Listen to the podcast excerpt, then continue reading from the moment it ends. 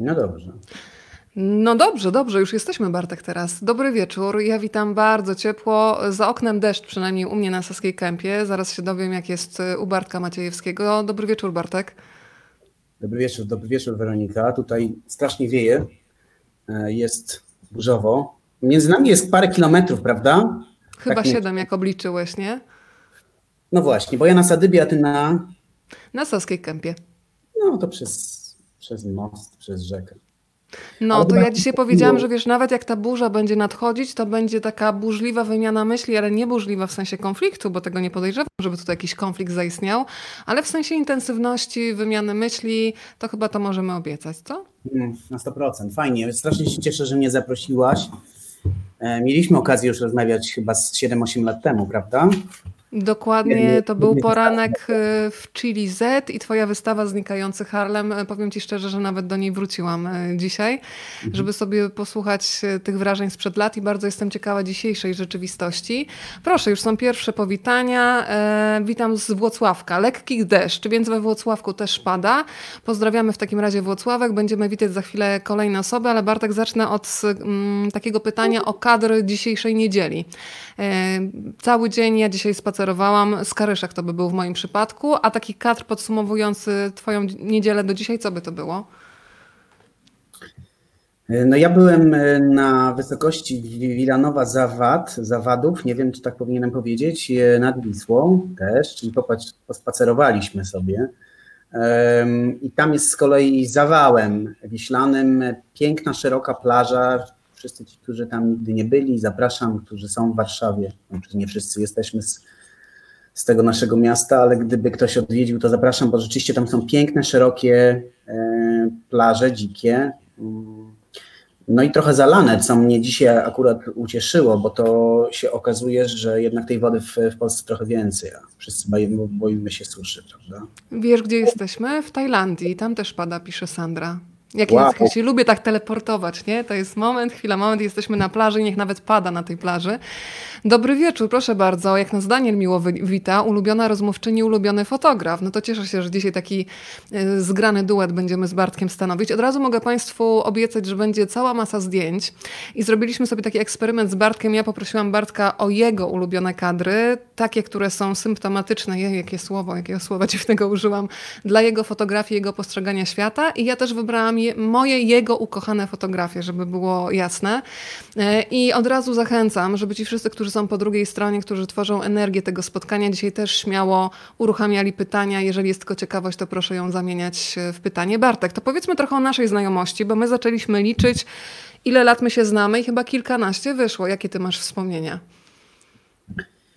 No ja byłem e, człowiekiem e, korporacji, ty byłaś człowiekiem radia.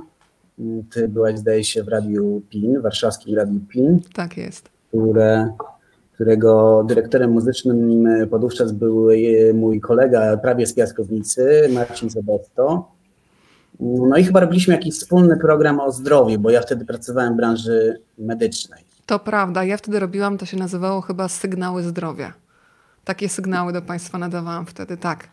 Ja byłem wtedy PR-owcem i bardzo usilnie próbowałem wpleść agendę firmy, którą reprezentowałem w, w edycję programu radiowego, a ty byłaś bardzo, bardzo pod tym względem asertywna, żeby nie powiedzieć oporna, bo to źle brzmi, a asertywna brzmi lepiej.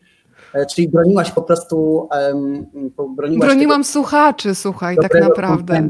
Tak, tego prawdziwego kontentu radiowego. Natomiast ja, ja, oczywiście miałem tam swoje, e, swoje pomysły i propozycje, ale fajnie nam się współpracowało. Ja to pamiętam Y, bardzo, bardzo dobrze. To było chyba kilkanaście lat temu. Tak, wiesz co, ale przypomniałeś mi, ja sobie uzmysłowiłam, że ja wtedy byłam strasznym szczylem, w sumie dwadzieścia kilka lat, ale pamiętam, że z tych sporów wyszła bardzo fajna burza mózgów i ostatecznie wszyscy byli zadowoleni, ale pierwsze nasze spotkania to były raczej takie na konflikcie chyba, nie? Lekkim. No wiesz, no ja tam próbowałem puszować swoją agendę, jak ładnie mówiło, a ty próbowałaś stawiać opór, ale y, wiesz, to, ten twój urok, zawsze miałeś całą masę uroku, w związku z tym ten urok zarzuciłaś na mnie i tak było tak, jak ty chciałaś na niego. Bardzo się cieszę, ale dzisiaj słuchaj, e, będzie tak jak ty widzisz rzeczywistość i bardzo się z tego cieszę, bo e, wielokrotnie patrzę na twoje zdjęcia i uruchamiają one we mnie też bardzo różne takie czułe struny i cieszę się, że dzisiaj tym będziemy się mogli podzielić. Pan Piotr, panie Piotrze, dobry wieczór. W Otwocku sztorm, może do Warszawy nie dotrze. Dobry wieczór z Londynu. Ta burza to od nas przyszła, u nas wczoraj była oberwanie chmury. Proszę Bartko. O, Jasia mówi, Bartku, to tak jak i ja poznałam Werę, czyli faktycznie myśmy się też e, znali przy okazji sygnałów zdrowia. Dobry wieczór, idealny wieczór na tak piękną rozmowę, bardzo się cieszymy. E, no i super. No to słuchajcie, ja zacznę, Bartek, mogę zacząć od swojego ukochanego zdjęcia twojego? Proszę bardzo, tak, tak, tak. Ciekawa jestem, czy wiesz, znaczy ja ci trochę wysłałam, ale nie wiesz, które jest takie ukochane, ukochane z tych ukochanych. Badam, badam, proszę zobaczyć. Od razu jeszcze tutaj zrzucę ten na chwileczkę komentarz, żeby można było zobaczyć w pełnej okazałości. Słuchaj, dla mnie to jest taki.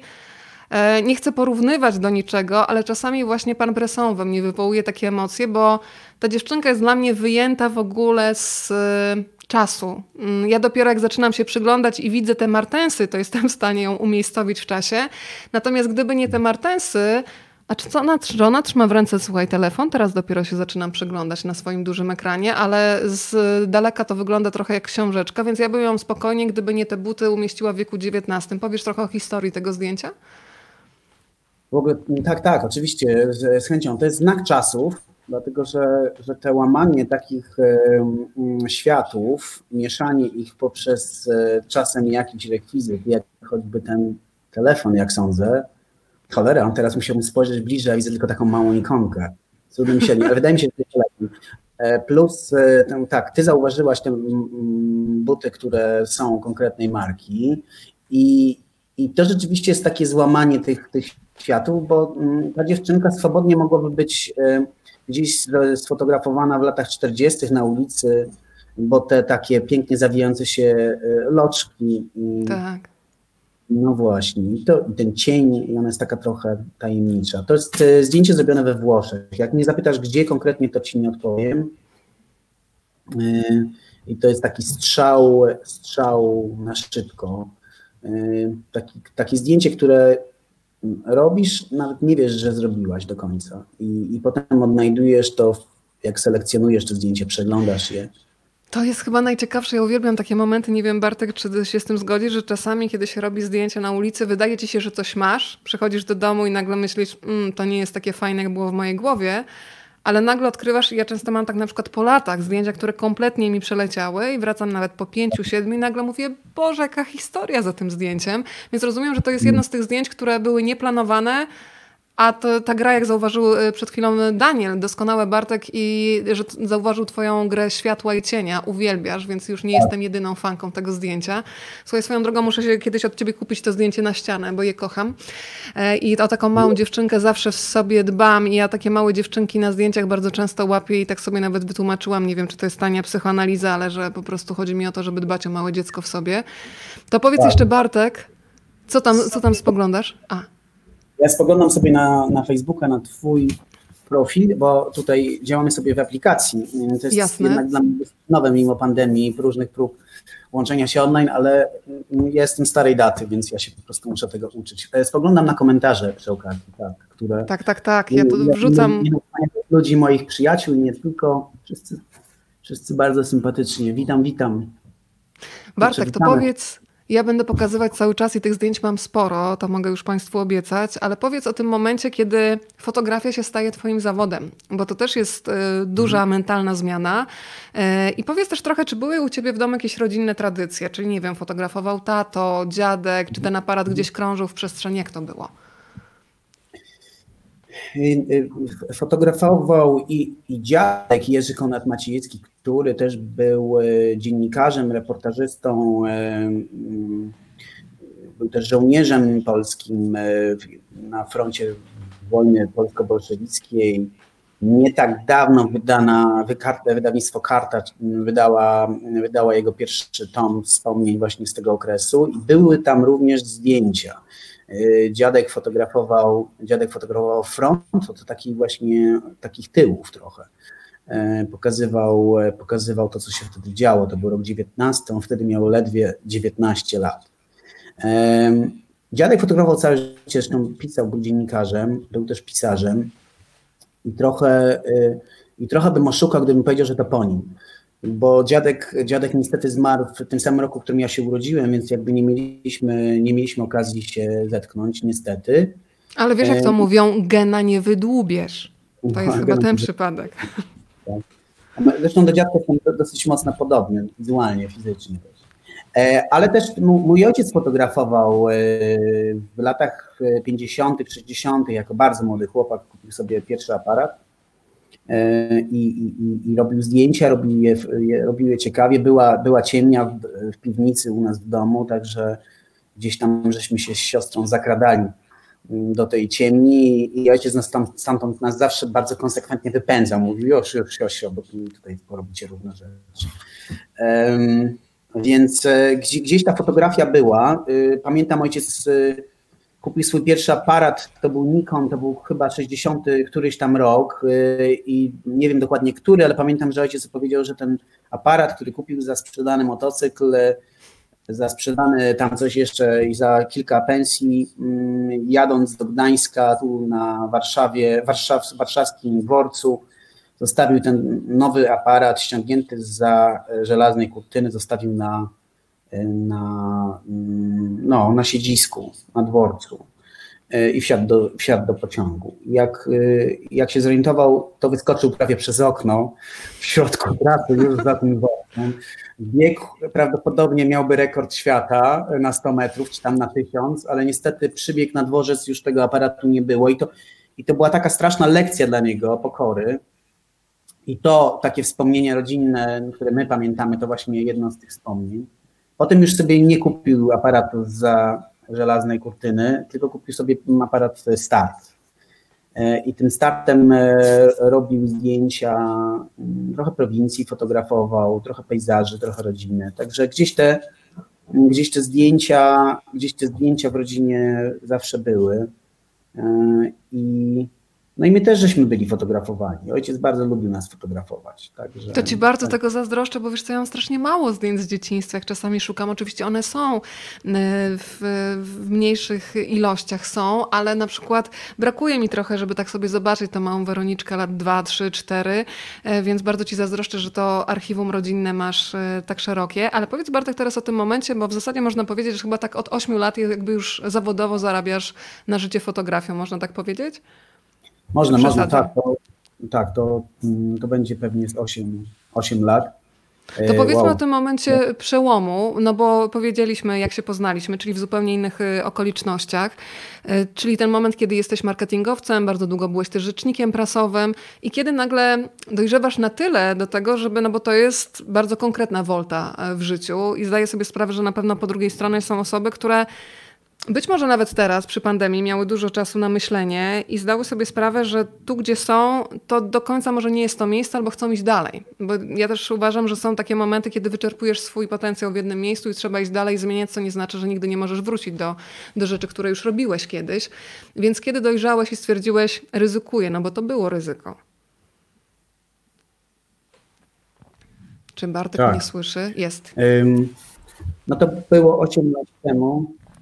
Jestem, jestem. Ja patrzę, bo ja tutaj sobie, przepraszam Państwa, jeszcze wyłączę obciążenie sieci. O, i może teraz trochę będzie lepiej. To prawda, no, przyszedł, przyszedł taki moment w moim życiu, to, to było właśnie 8-9 lat temu, kiedy, kiedy gdzieś szwankowało mi zdrowie. Myślę, że cały jakby wszystko takie sygnały, które do mnie dochodziły, mówiły, musisz coś z tym zrobić, musisz, e, musisz może zmienić, e, zmienić trochę życie i to, jak, e, jak żyjesz, czym się zajmujesz. I, mm, I rzeczywiście tak się zbiegło, że to zdrowie, te problemy ze zdrowiem, trochę zmian w firmie, w której wówczas pracowałem, spowodowało, że, znaczy podjąłem taką decyzję. To była świadoma decyzja fotografii jeszcze w tym od razu nie było. To nie było tak, że zmieniłem, zostałem fotografem, powiedziałem, ok, teraz będę się zajmował fotografią i tyle. Ale było parę zbiegów okoliczności, które mnie na tę drogę e, gdzieś e, poprowadziły i tak, i, no i zacząłem się tym zajmować. Przyszły, przyszły jakieś pierwsze tematy, którymi się zająłem. no i tak to się stało. Y, zacząłem, zacząłem się tym zajmować. Właściwie Bartek, a pamiętasz, ale słuchaj, ale pamiętasz taki pierwszy moment, kiedy y, odłożyłeś aparat, zobaczyłeś przelew na koncie i pomyślałeś, że dostałeś pierwsze pieniądze za coś, co kochasz tak całym sobą, z pewnego mhm. rodzaju takiego niedowierzaniem, że wow, mogę robić to, co kocham, to, co kocham, i tym, ale też daje mi to bezpieczeństwo finansowe, no bo nie jestem tylko fotografem, ale jestem też, mm, też ojcem, mężem, mam rodzinę po prostu, krótko mówiąc. Tak, tak. No wiesz co, to nie było aż tak e, hura, bo początki były trudniejsze, ale oczywiście moment, w którym zdajesz sobie sprawę, że, e, że robisz to, co, co ci się naprawdę podoba, co być może nawet kochasz, ten moment jest diabelnie ważny, jest, jest taki do zapamiętania i jest jednocześnie takim olśnieniem, że E, że, że można, że można znaleźć to, co się chce robić w życiu, nawet jeśli masz tam 30 parę lat, ja wtedy miałem 30 parę lat. E, przychodzi też taka myśl, że może, że może można było to robić wcześniej, ale człowiek jest tym, kim jest, dzięki temu, co go spotkało wcześniej, więc gdybym być może zajmował się czymś innym, a może zajmowałbym się fotografią od samego początku, dziś byłbym gdzieś, gdzieś zupełnie, zupełnie indziej. E, tego nie wiemy po prostu. No, taki jest trochę los i, i jeśli się to wszystko układa, to jest cudownie. I tak się zdarzyło w moim życiu. Ale powiedziałeś, Bartek, ważną rzecz, że to nie było od razu tak szybko i dla mnie to jest bardzo ważny wątek, bo sama też się mierzę z tym, będąc freelancerem, że trzeba naprawdę, powiem to wprost, cholernej cierpliwości i konsekwencji, żeby wytrwać w swoim widzeniu świata, w swoich postanowieniach, bo te efekty potrafią przyjść czasami po roku, po dwóch. Jak było w Twoim przypadku? No to tak jak powiedziałaś o tym pierwszym przelewie na konto, to tak się uśmiechnąłem, bo on przyszedł, ale e, tych kolejnych e, przelewów przychodziło na początku mało i, i to była trochę taka walka ze sobą, e, trochę walka z, ze środowiskiem, trochę walka z wizerunkiem, bo, mm, bo można podjąć decyzję, ale trzeba po pierwsze być w tym spójnym, konsekwentnym, trzeba w to wierzyć, no i też trzeba to umieć robić. To, mm, z tym umieniem, umieniem, jak się śmieję, czyli z tą umiejętnością robienia zdjęć, to yy, yy, no wiesz, cały czas się uczymy, tak? Ja też się uczyłem od początku i też popełniałem różne błędy, ale cały czas miałem takie wrażenie, że się rozwijam i że, że idę w tym kierunku, który sobie zaplanowałem i, mm, i bardzo szybko też e, oprócz tych komercyjnych rzeczy zacząłem też e, przyglądać się swojej fotografii od strony właśnie takiego takiego trochę performance'u, takiego, takiego trochę artu, który, który mnie cieszył w fotografii. Tak, tym artem stał się bardzo szybko street, czyli, czyli fotografia uliczna, taka moja fotografia uliczna. Mm, trochę fotografia uliczna, trochę portret y, artystyczny. Y, I, I, jakby szedłem w tym kierunku. Bardzo szybko też się zorientowałem, że, że warto pokazywać swoje prace, pokazywać to, co się robi nie bać się tego, nie mieć też jakichś takich e, zahamowań, że, że są oczywiście autorytety, są wielcy fotografowie, a tutaj człowiek wchodzi dopiero co, mając te 30 parę lat na karku, jak powiedziałem. I pamiętam pierwszą rzecz, którą sobie zaplanowałem, to właśnie sfotografowanie osób bezdomnych. Ja wtedy trochę jeździłem po świecie, tak zacząłem podróżować i robiłem po prostu fotografie, portrety osób bezdomnych tak mi się wydaje, że taki prosty temat, yy, taki otwierający temat w jakimś sensie. Yy, ale, ale z tego powstał mój pierwszy projekt, o właśnie to jedno z tych zdjęć. Yy, pierwszy projekt to była wystawa Sami. Kłaniam się Maćkowi Marksowi, który chyba jest z nami, który mi wystawił ten, te moje prace.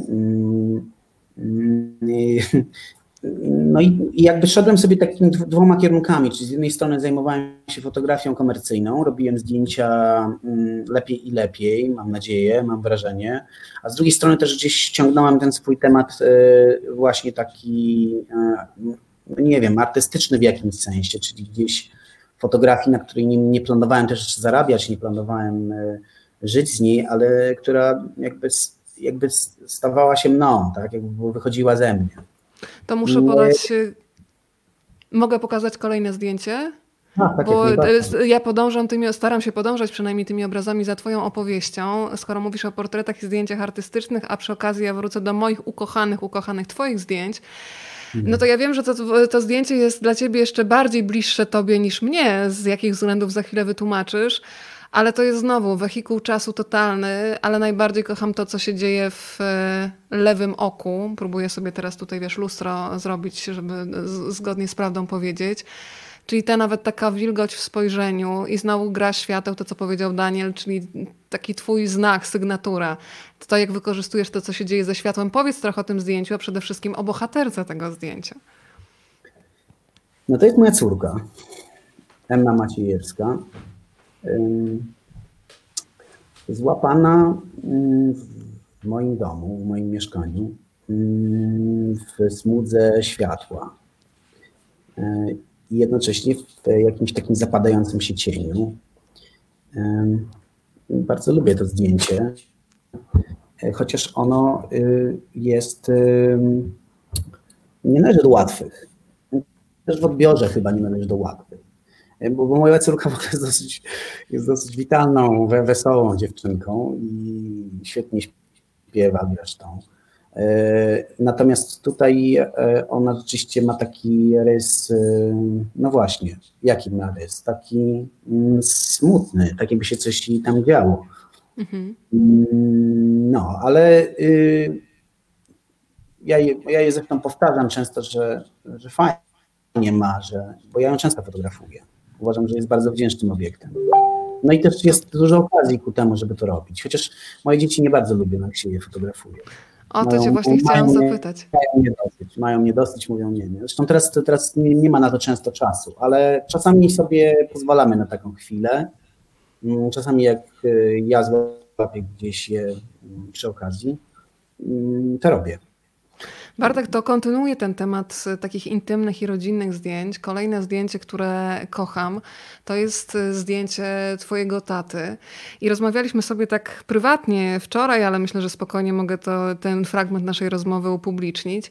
Ja ci powiedziałam, że ja mimo, że rozmawiam z tyloma ludźmi, zawsze kiedy bym chciała nagrać taką rozmowę głęboką, o emocjach, trochę z wyjściem z roli, że jest mama, córka czy córka, tato, to mam jednak jakiś taki problem i blokadę i zdarza mi się, rodzice tego będą słuchać trudno, czasami nawet włączać sobie dyktafon podczas rozmów, żeby mieć te rozmowy zawsze, bo kiedy przychodzę z mikrofonem, to zawsze ta naturalność gdzieś znika, więc zastanawiam się, jak jest u ciebie z, z aparatem. Czyli to to zdjęcie twojego taty, które kocham. W tym jest tyle czułości i miłości. Opowiadaj, proszę.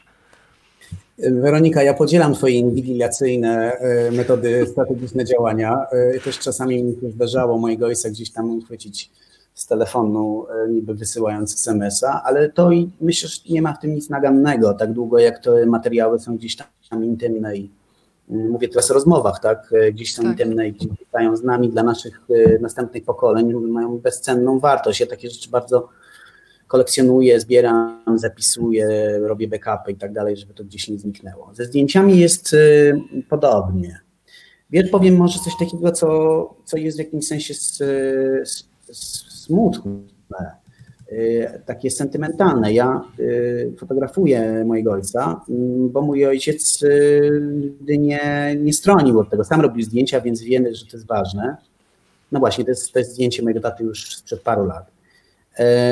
I jest w tym jakiś ten taki trochę sentymentalny zapis y, tak naprawdę odchodzenia, no bo, no bo mój tato ma w tej chwili 84 lata. Boże, jaki ja jestem stary wobec tego już. Przestań, wiek niekoniecznie musi mieć coś wspólnego z człowiekiem, trzymaj się tego. 84, nie, trochę sobie dworuję 84 lata i jest, robiąc zdjęcia mam zawsze takie przekonanie, że Y, że ten zapis jest no, takim, taką pamiątką, po prostu taką bardzo ważną, sentymentalną, emocjonalną pamiątką. I ja doskonale pamiętam moment, w którym robiłem na przykład to zdjęcie, które teraz widzimy. Pamiętam błysk ojca w, w oczach, pamiętam, gdzie żeśmy to zdjęcie zrobili i pamiętam, że ojciec był bardzo cierpliwy. A wiesz, y, na przykład mam bardzo niewiele zdjęć mojej mamy, której już nie ma. I no i bardzo żałuję. Mama zawsze mówiła, że się nie nadaje do tego. I, ponieważ była silną, twardą kobietą, więc nigdy nie mi się złamać. Więc jak teraz jest jakiś Dzień Matki, gdzieś tam upubliczniamy zdjęcia, mm, to ja za, zwyczaj pokazuje zdjęcia mojej mamy, które mój ojciec zrobił, czyli takie wcześniejsze z lat 60., 70., też piękne. Bartek, nie wiem, mm. czy tutaj zauważyłeś komentarz i to od kogo. E, pan Chris Nidental jest razem z nami. Bartek, piękne światło na twarzy córki. To za chwilę e, pokaże się też pan Nidental na twojej fotografii, bo też tutaj mam pod ręką. E, pozdrawiamy bardzo gorąco, no bo to jest historia polskiej fotografii i te kadry, które już mam przed oczami, kiedy widzę to nazwisko, więc bardzo mi miło też, że dzisiaj razem z nami mamy takich gości. To słuchaj Bartek, no to przejdźmy do historii tego zdjęcia. Skoro mamy wśród komentujących, no to popatrzmy teraz na twarz komentującego i na to wasze y, spotkanie. Opowiedz trochę, bo zastanawiam się, czy wy się wcześniej znaliście i wyobrażam sobie sytuację, że jednak przed takim guru, człowiekiem, który jest no, nazwiskiem, który pada tylko fotografii, to od razu wszyscy stają na baczność. Y, czy miałeś stres? No, najpierw zacznijmy od tego, czy się wcześniej znaliście po prostu. Znaczy, y, Chris, po pierwsze bardzo dziękuję, że jesteś z nami. To jest, y, to jest wielki zaszczyt i wielka radość. Nie wiem, co jeszcze powiedzieć. Y, czy zdałem się? No, mm, gdzieś tam żeśmy mieli okazję się pewnie spotkać. Natomiast wiesz, no, mm, Chrisa po prostu się podgląda. Mm, to, co robi Chris, jest wielkie, było wielkie i pewnie będzie wielkie a jednocześnie bardzo proste. Nie chcę tutaj takich pompatycznych słów używać, ale jak żeśmy rozmawiali przed tym spotkaniem i pytałaś mnie o to, kogo, kogo cenię, kogo, kogo lubię w fotografii, kto jest dla mnie jakimś wyznacznikiem, to, to na pewno Chris Dental i jego dokument, bo ja tak to odbieram, dokument emocjonalny, zdjęcia dokumentujące czasy, których już nie ma, przynajmniej te zdjęcia z tego wcześniejszego okresu, tego wielkiego fotografa. I, to, są, to są zdjęcia, które, których po pierwsze dlatego, że już nie ma tych czasów, ale też dlatego, że są to wielkie ujęcia, wspaniałe ujęcia, bardzo często o ogromnej prostocie.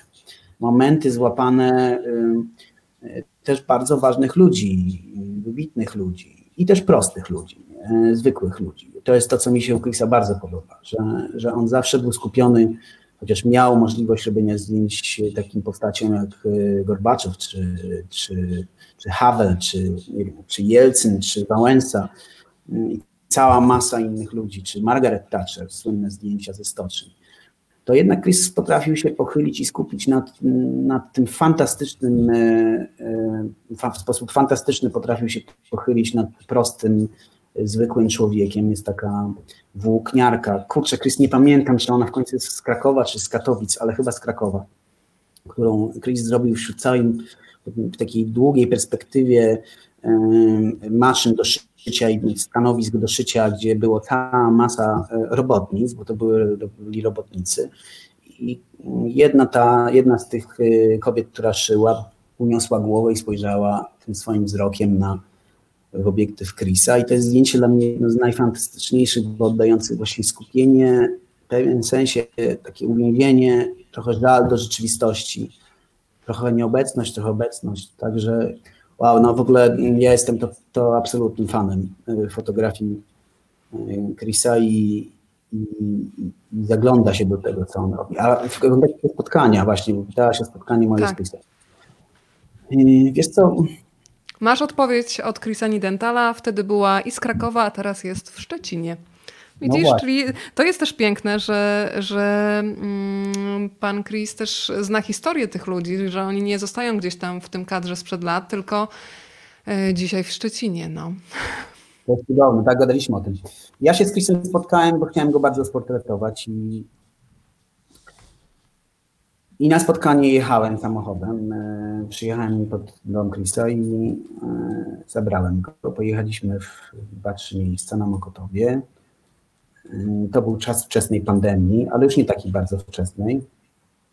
To zdjęcie, które pokazałeś przed chwilą, czyli Chris Dental w maseczce, no, znam, znam, znamione czasu, jakby, tak? znak czasu. No właśnie jest.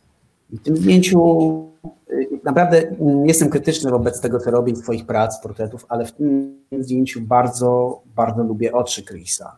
Yy, bo jest chyba w tym zdjęciu, nie wiem czy się zgodzicie Państwo, mm, trochę takiego właśnie takiego niepokoju, tym, co się dzieje na świecie. Trochę, może to jest zupełny przypadek, prawdopodobnie tak, ale ja tak przynajmniej widzę to zdjęcie, że to jest portret z, znamionujący czasy, trochę duszę, trochę chwilę, w której Chris się też znalazł i my wszyscy. Bartek, pojawiają się pierwsze pytania. Pytanie od e, pani Ani z Londynu. Słuchaj, ja już się teraz przygotowuję do bazy, bo mi wysłałeś tutaj całą masę zdjęć. Twoje szczególne zdjęcia. Wiem, że ty miałeś problem, żeby mi tu 20 ulubionych wysłać. Ich jest więcej, ale teraz padło pytanie z Londynu. To już nie jest moja wina, ja cię nie zmuszam do tej selekcji tak trudnej. Proszę, radź sobie. A ja będę tu jakoś e, starała się nadążyć za twoją opowieścią. Y, rozumiem, że pytanie jest, bo ja mi wysiadł telefon, na którym mam transmisję bezpośrednio. Już ci mówię. Y, pytanie o Twoje ulubione szczególne zdjęcie. Ja się domyślam, że chodzi o to, które dzisiaj mamy przygotowane do pokazania, ale jeżeli chcesz też powiedzieć o innych fotografiach innych fotografów i twórców, bardzo proszę, sprawa jest otwarta. Ojej, e, to może ja krótko powiem, bo, bo y, kim, kim ja się gdzieś inspiruję i może będzie to, to, to trochę dziwne, ale ja patrzę y, bardzo mocno w stronę malarstwa, y, bardziej nawet niż w samej fotografii y, i mam kilku swoich ulubionych malarzy. Wśród nich jest na przykład David Hockney, który dzisiaj ma tyle lat co mój ojciec. E, angielski malarz, fotograf, kolorysta, mm, facet, który z popartem robił to, co chciał i był też fotografem właśnie, co, co ciekawe, no ale ja głównie patrzę na jego malarstwo. E, kto jeszcze? Na pewno, e, na pewno Edward Hopper. I ten hopperyzm trochę czasami za bardzo literalnie traktuję w moich zdjęciach. Ja to bardzo lubię, od razu ci powiem. Ja wiem, ja wiem. Ja staram się coś do tego dodać. Znaczy też nie chcę jakoś tego kopiować strasznie. Już mam nadzieję w tych fotografiach pewne rzeczy wychodzą, moje. Ale bardzo lubię tego amerykańskiego realistę, bardzo się temu przyglądam. To, co dla mnie jest bardzo ważne w mojej fotografii, w ogóle przede wszystkim streetowej, to jest pewna cisza, pustka, trochę wyalienowanie, trochę wy, taki wysublimowany niepokój z tym, może taki, taki trochę niepokój związany z byciem e, samotnym, byciem, e, byciem gdzieś samemu ze sobą. E, ale też mam jeszcze wśród malarzy i w ogóle w malarstwie takie inspiracje bardziej współczesne. Na przykład uwielbiam, nie wiem czy ty Weronika znasz, Laurę Wasilewską. Tak, i nawet jest razem z nami, wiesz? Gdzieś mi mignęła no tutaj tak, wśród witających się, tak. Oj, to cudownie której e, obrazy są też dla mnie jakąś, jakąś inspiracją. Czasami szukamy takich wspólnych elementów między tym moim właśnie e, streetem, który ja myślę, że jest dość malarski, a tym, co, co Laura robi. I ona jest dla mnie na pewno takim krakowsko-warszawskim. Laura uciekła do Krakowa z Warszawy, więc e, trochę krakowsko-warszawskim taką krakowsko-warszawską inspiracją. No kto jeszcze? Patrzę, spoglądam na kartkę, bo sobie wypisałem.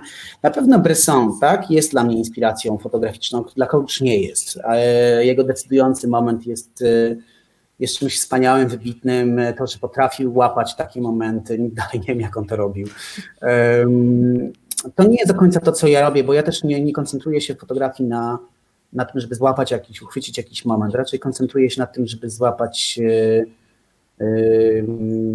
ciszę może czasami w zdjęciach, szczególnie miejsc. Tak, u ciebie jest, wiesz co, dużo ciszy i takiej samotności I, i to się bardzo mocno odczuwa. Zresztą ja lubię takie fotografie, które właśnie oprócz tego konkretnego obrazu, które mają w sobie, mają też coś więcej, czyli taką opowieść, to co dzieje się też często pomiędzy fotografowanym a fotografującym i to jest dla mnie zawsze miara zdjęcia, bo nie chodzi o to, żeby sfotografować architekturę czy człowieka, tylko to coś, co się wydarza pomiędzy nimi. E, to teraz słuchaj, bardzo bym chciała, żebyśmy wyszli razem z tobą na ulicę. Ja tutaj będę sięgać do tego archiwum zdjęć, mm, które mamy od ciebie. No to pierwszy przystanek niech będzie taki. Mm, trochę opowiedz e, i w ogóle porozmawiajmy o takim chodzeniu po ulicy. Mm, rozmawialiśmy też znowu o tym wczoraj, że kiedy wychodzi się na ulicę, to bardzo trudno na przykład połączyć wyjazd, nie wiem, z rodziną z fotografowaniem. Ja tak mam, że nie potrafię. Kiedy jestem sama chłona jak gąbka, kiedy jestem z kimś, mimo najszczerszych chęci e, i tych zgód, że tak, tak, idź sama, umówmy się za trzy godziny, zaczyna mnie już to ograniczać, że ja bym chciała na przykład czwartą czy piątą, a wiem, że ktoś na mnie czeka, więc jak jest u ciebie z tą samotnością na ulicy? U, mnie jest dokładnie tak samo. Ja potrzebuję ogromnego skupienia e, na ulicy. E, ja potrzebuję mieć dużo czasu, cały dzień najlepiej. Potrzebuję wyjść rano, i wrócić wieczorem.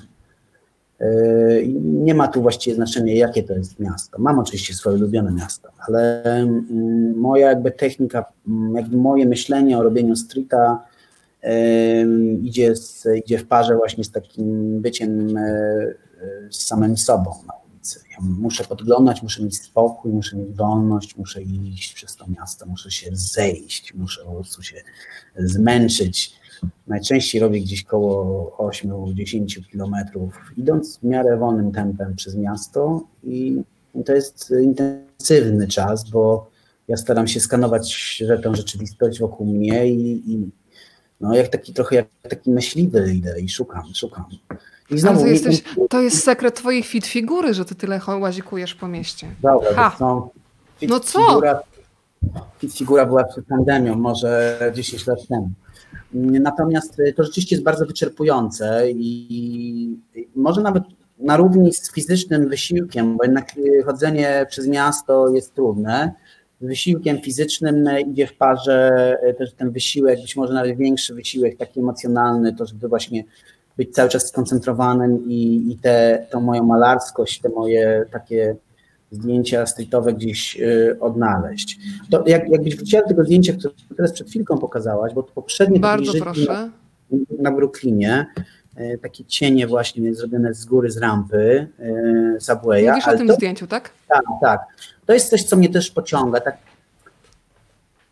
tutaj jest taki trochę klimat postindustrialny. Właściwie można powiedzieć, że ta fabryka to gdzieś mogłaby być z XIX stulecia, chociaż ona jest zbyt pewnie nowoczesna. E, ale takie klimaty właśnie może takiego trochę holenderskiego malarstwa, gdzie jakiś spokój, gdzieś jakiś człowiek idzie plażą z psem. I te jakby... wygaszone kolory, prawda? Tak, tak. No ja trochę się bawię, niestety albo stety w, w obróbkę i postprodukcję zdjęć, e, ale uważam, że fotografia to jest sztuka wizualna i mam do tego pełne, pełne prawo. To bardzo lubię to zdjęcie, to jest Dublin. To jest Dublin, to jest zrobione kilka lat temu w zimie. Bartek, pojawiają się pytania, więc ja zawsze mówię, że tworzymy tą energię wspólnie, więc od razu tutaj e, pytanie od e, pani Ewy dla ciebie. E, kogo z ludzi na całym świecie, żyjących lub już nie żyjących, chciałbyś najbardziej sfotografować? Też jestem bardzo ciekawa, mój drogi. Wow. Wow, no nie ma ograniczeń, masz czarodziejską różdżkę, każdy powie ci tak. Nawet słuchaj, jakieś zmartwychwstania zorganizujemy. Ja powiem tak, y, może Martin Luther King myślę, w trakcie swojego przemówienia, a może gdzieś na, y, kurczę, strasznie pompatycznie to zabrzmiało, ale tak chyba jest, y, a może gdzieś zanim wyjdzie na tę, na tę scenę i będzie mówił.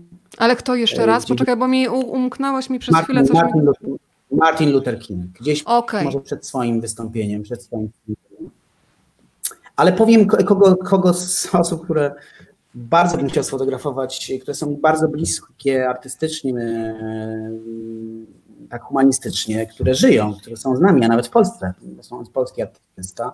Ja bym bardzo Weronika chciał sfotografować Artura Rojka i mam nadzieję, że kiedyś będzie mi to dane. E, I chciałbym. A czy już zrobiłeś jakiś krok w tym kierunku? To ja muszę cię tutaj zmobilizować w takim razie. Nie, ale może, może nie, nie zrobiłem. No to ja będę dzwonić teraz co tydzień w poniedziałek, dobra? Czy zrobiłeś krok w tym dobra. kierunku? I to się uda w końcu. Pytanie kolejne, słuchaj. E, dobra. Dobry wieczór od Agnieszki. Czy jest pan samoukiem, czy korzystał pan z jakichś warsztatów? Jestem e, całkowitym samoukiem. I nigdy nie korzystałem z warsztatów, nie kończyłem szkół e, fotograficznych. Trochę może niedobrze, a trochę może dobrze ja w ogóle dużo nie spoglądam w bok. To nie jest jakiś taki bałwochwalczy, bałwochwalczy egocentryczne spojrzenie na to, kim jestem, co robię, ale staram się po prostu widzieć swoimi oczami i mm, dużo się nie inspiruję, dużo się nie rozglądam na boki. Więc e, nie wiem, czy szkoła fotograficzna byłaby jakaś akademia fotograficzna. Miałem jakieś propozycje, żeby, żeby, żeby zrobić. E, czy ona by mnie jakoś wzbogaciła? Pewnie tak, ale też pewnie w jakimś sensie by mnie mm, ograniczyła w moim widzeniu. Ja mam problem z autorytetem w ogóle, ogólnie. Uważam, Wywrotowiec że, i rewolucjonista. Nie, trzeba po prostu spoglądać na siebie i wewnątrz siebie, żeby, żeby czegoś, się, czegoś się o sobie dowiedzieć, robiąc te rzeczy, będąc tym fotografem. To, to w ogóle, tak jak żeśmy rozmawiali wczoraj jeszcze przed naszym dzisiejszym spotkaniem, mi się wydaje, że to jest bardzo ważne, żeby, żeby sięgać w głąb siebie. Te zdjęcia, które się robi, są taką emanacją tego, co, co siedzi w nas. To prawda. Kolejne pytanie, słuchaj, też jestem ciekawa, jakie jest Twoje ulubione miasto? Bo są takie miasta, w których jest chyba też taka sprzyjająca energia do robienia zdjęć. Pamiętam, że spotkaliśmy się niedawno w Krakowie i ja z całym szacunkiem do wszystkich, którzy mieszkają w Krakowie, ja tam się zawsze czuję hermetycznie i klaustrofobicznie. Nie wiem dlaczego, chociaż ja pochodzę z Rzeszowa, jest mi tam dużo bliżej niż do Warszawy. Ty się w Krakowie czujesz bardzo dobrze, ale takie ukochane, ukochane miejsce? No pokaż jakieś zdjęcia z Londynu. Y, zdjęcia z Londynu. Już ci pokazuję zdjęcia z Londynu. Dobra, zaraz szukam tutaj z naszego. To jest chyba Londyn tutaj. Tu mi dałeś tak, to jest na pewno Londyn. Powiedziała, że, powiedziała, że jestem jak. A właśnie. Że jestem jak ten e pisarz czy poeta romantyczny, który nad. E, w okolicach Wilna czy gdzieś tam nad Bugiem nie był w stanie y, niczego napisać, musiał polecieć do Paryża, żeby tam, czy pojechać do Paryża, wtedy się jeszcze nie latało, żeby móc e, coś napisać. E, ze mną jest trochę też tak, że, że Polska jest tak strasznie bliska, szczególnie Warszawa, że tutaj mam problem no, z robieniem zdjęć. Mówię o tych zdjęciach streetowych, oczywiście nie komercyjnych, nie o, nie o portrecie. Mm, więc y, mam swoje takie miasta, których bardzo lubię jeździć. Wśród nich jest, e, wśród nich jest Tel Awiw, wśród nich jest e, oczywiście Nowy Jork, który kocham i który był częścią, jedną z, tematem jednej z moich właściwie dwóch wystaw. Ale bardzo lubię też Londyn, lubię, lubię Berlin, lubię wielkomiejskość w fotografii, lubię wielkomiejskość w stricie w ogóle. To jest, to jest zdjęcie z wystawy London Outsiders sprzed dwóch lat. I to jest zdjęcie zrobione właśnie po drugiej stronie Tamizy, mm, jednym z barów z lat 60. No to jest słuchaj, pytanie właśnie z Londynu do ciebie. Czy jest jakieś miejsce na Ziemi no w projekcie Marzeniach do sfotografowania? Kurczę, nie wiem. Nie wiem. Trudno mi powiedzieć. Chciałbym więcej jeździć, więc może, może Tokio. Nigdy nie byłem. Może chętnie bym się tam wybrał. Teraz nigdzie nie możemy jeździć, jesteśmy trochę, jesteśmy trochę zamknięci. Słuchaj, jeździmy dzięki tobie teraz. Gdzie jesteśmy teraz? Teraz jesteśmy w Nowym Jorku, jesteśmy na Times Square. E, to jest e, ortodoksyjny Żyd, prawdopodobnie hasycki, mm, choć może popełniam tu błąd, e, za którym snułem się kilka przecznic. To był piątek wieczór, tuż przed szabatem, czy szabasem i próbowałem patrzeć jego wzrokiem, próbowałem iść jego ruchem, jego nerw, nerwem, z jego, jego werwą. Próbowałem też się przemieszczać e, przez ulicę Nowego Jorku, tłoczne bardzo, tuż właśnie w piątek wieczór. E, I doszedłem za nim właśnie do Times Square, który był totalnie zatłoczony, jak zwykle. I, i zrobiłem zdjęcie z e, tego, co właściwie on widział. Choć może on nic nie widział, tylko szedł i był zanurzony w swoich myślach. To jest piękne, takie tropienie bohatera. Powiem Ci, że ja mam jednego człowieka w Lizbonie, którego śledzę od siedmiu lat. Nawet go już nazwałam w myślach i zawsze jestem zaniepokojona, kiedy po tygodniu na przykład nie mogę na niego wpaść na ulicę, ale ostatecznie się udaje. Kolejna podróż dzięki Tobie, Bartek. Będziemy dzisiaj podróżować. Powiedz trochę o historii tego zdjęcia, bo znowu tutaj kocham te kolory. Absolutnie jak kadry z filmu. Oczywiście przenosimy się też w czasie dzięki tym kolorom. To jest rok 2015, Nowy Jork, okolicach 50. ulicy na Brooklynie. To też jest e, ortodoksyjna Żydówka. Gdybym miał powiedzieć jaka, to mam przyjaciela w Nowym Jorku, który mnie, który mnie zawsze poprawia. Być może jest z nami, to może napisze. Mm, I to znowu jest taki moment, e, który, którego ja szukam. Taki moment, mm, w którym e, ta kobieta jest gdzieś zanurzona we własnych myślach, we własnym świecie, gdzieś, gdzie się gdzieś, gdzieś idzie, prawdopodobnie Zaraz pewnie będzie gotować obiad, a może gdzieś idzie i będzie czytać książkę w bibliotece. Cholera wie. Ale ten krój nawet każdym... płaszcza, słuchaj, jak lata 60. tutaj jest wszystko prawie. Tak, ale to, to, to tam bardzo, mm, bardzo y, jest normalne, bo, bo, bo ortodoksyjni Żydzi są właśnie bardzo mocno konserwatywni też w tym, jak wyglądają, co ubierają. Pytanie jest y, bardzo ciekawe od pana Piotra. Czy masz, Bartek, w swojej kolekcji zdjęcia, które mogłeś zrobić, ale jednak ich nie zrobiłeś? Pan Piotr wspomina piękny kadr, który miał przed oczami szerpa, któremu kropla potu zawisała na, zwisała na czubku nosa. Już chciałem nacisnąć migawkę, ale stwierdziłem, że nie mogę, bo okradłbym go z jego prywatności. Czy miałeś kiedyś takie dylematy? Czyli te zdjęcia, które mamy gdzieś zapisane mm. potem tylko na twardym dysku, a tylko albo aż twardym dysku w głowie i w sercu. Tak, mam takie kadry. E, zawsze bardzo żałuję. To są, mam naprawdę kilka dobrych kadrów, głównie portretów, takich miejskich, których nie pokazuję.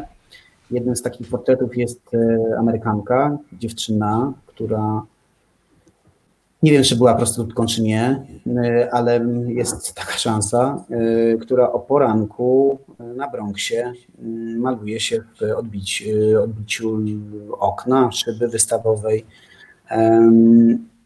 i maluje sobie usta, jest zmęczona, prawdopodobnie po pracy i to jest jeden kat, drugi kat teraz tak kolejno zrobiony też jej, jak wstrzykuje sobie e, jakąś dawkę do, do ręki. E, piękne, prze, piękne odbicie, refleksa, refleksy Bronxu, przejeżdżających samochodów, po prostu no, super kadr.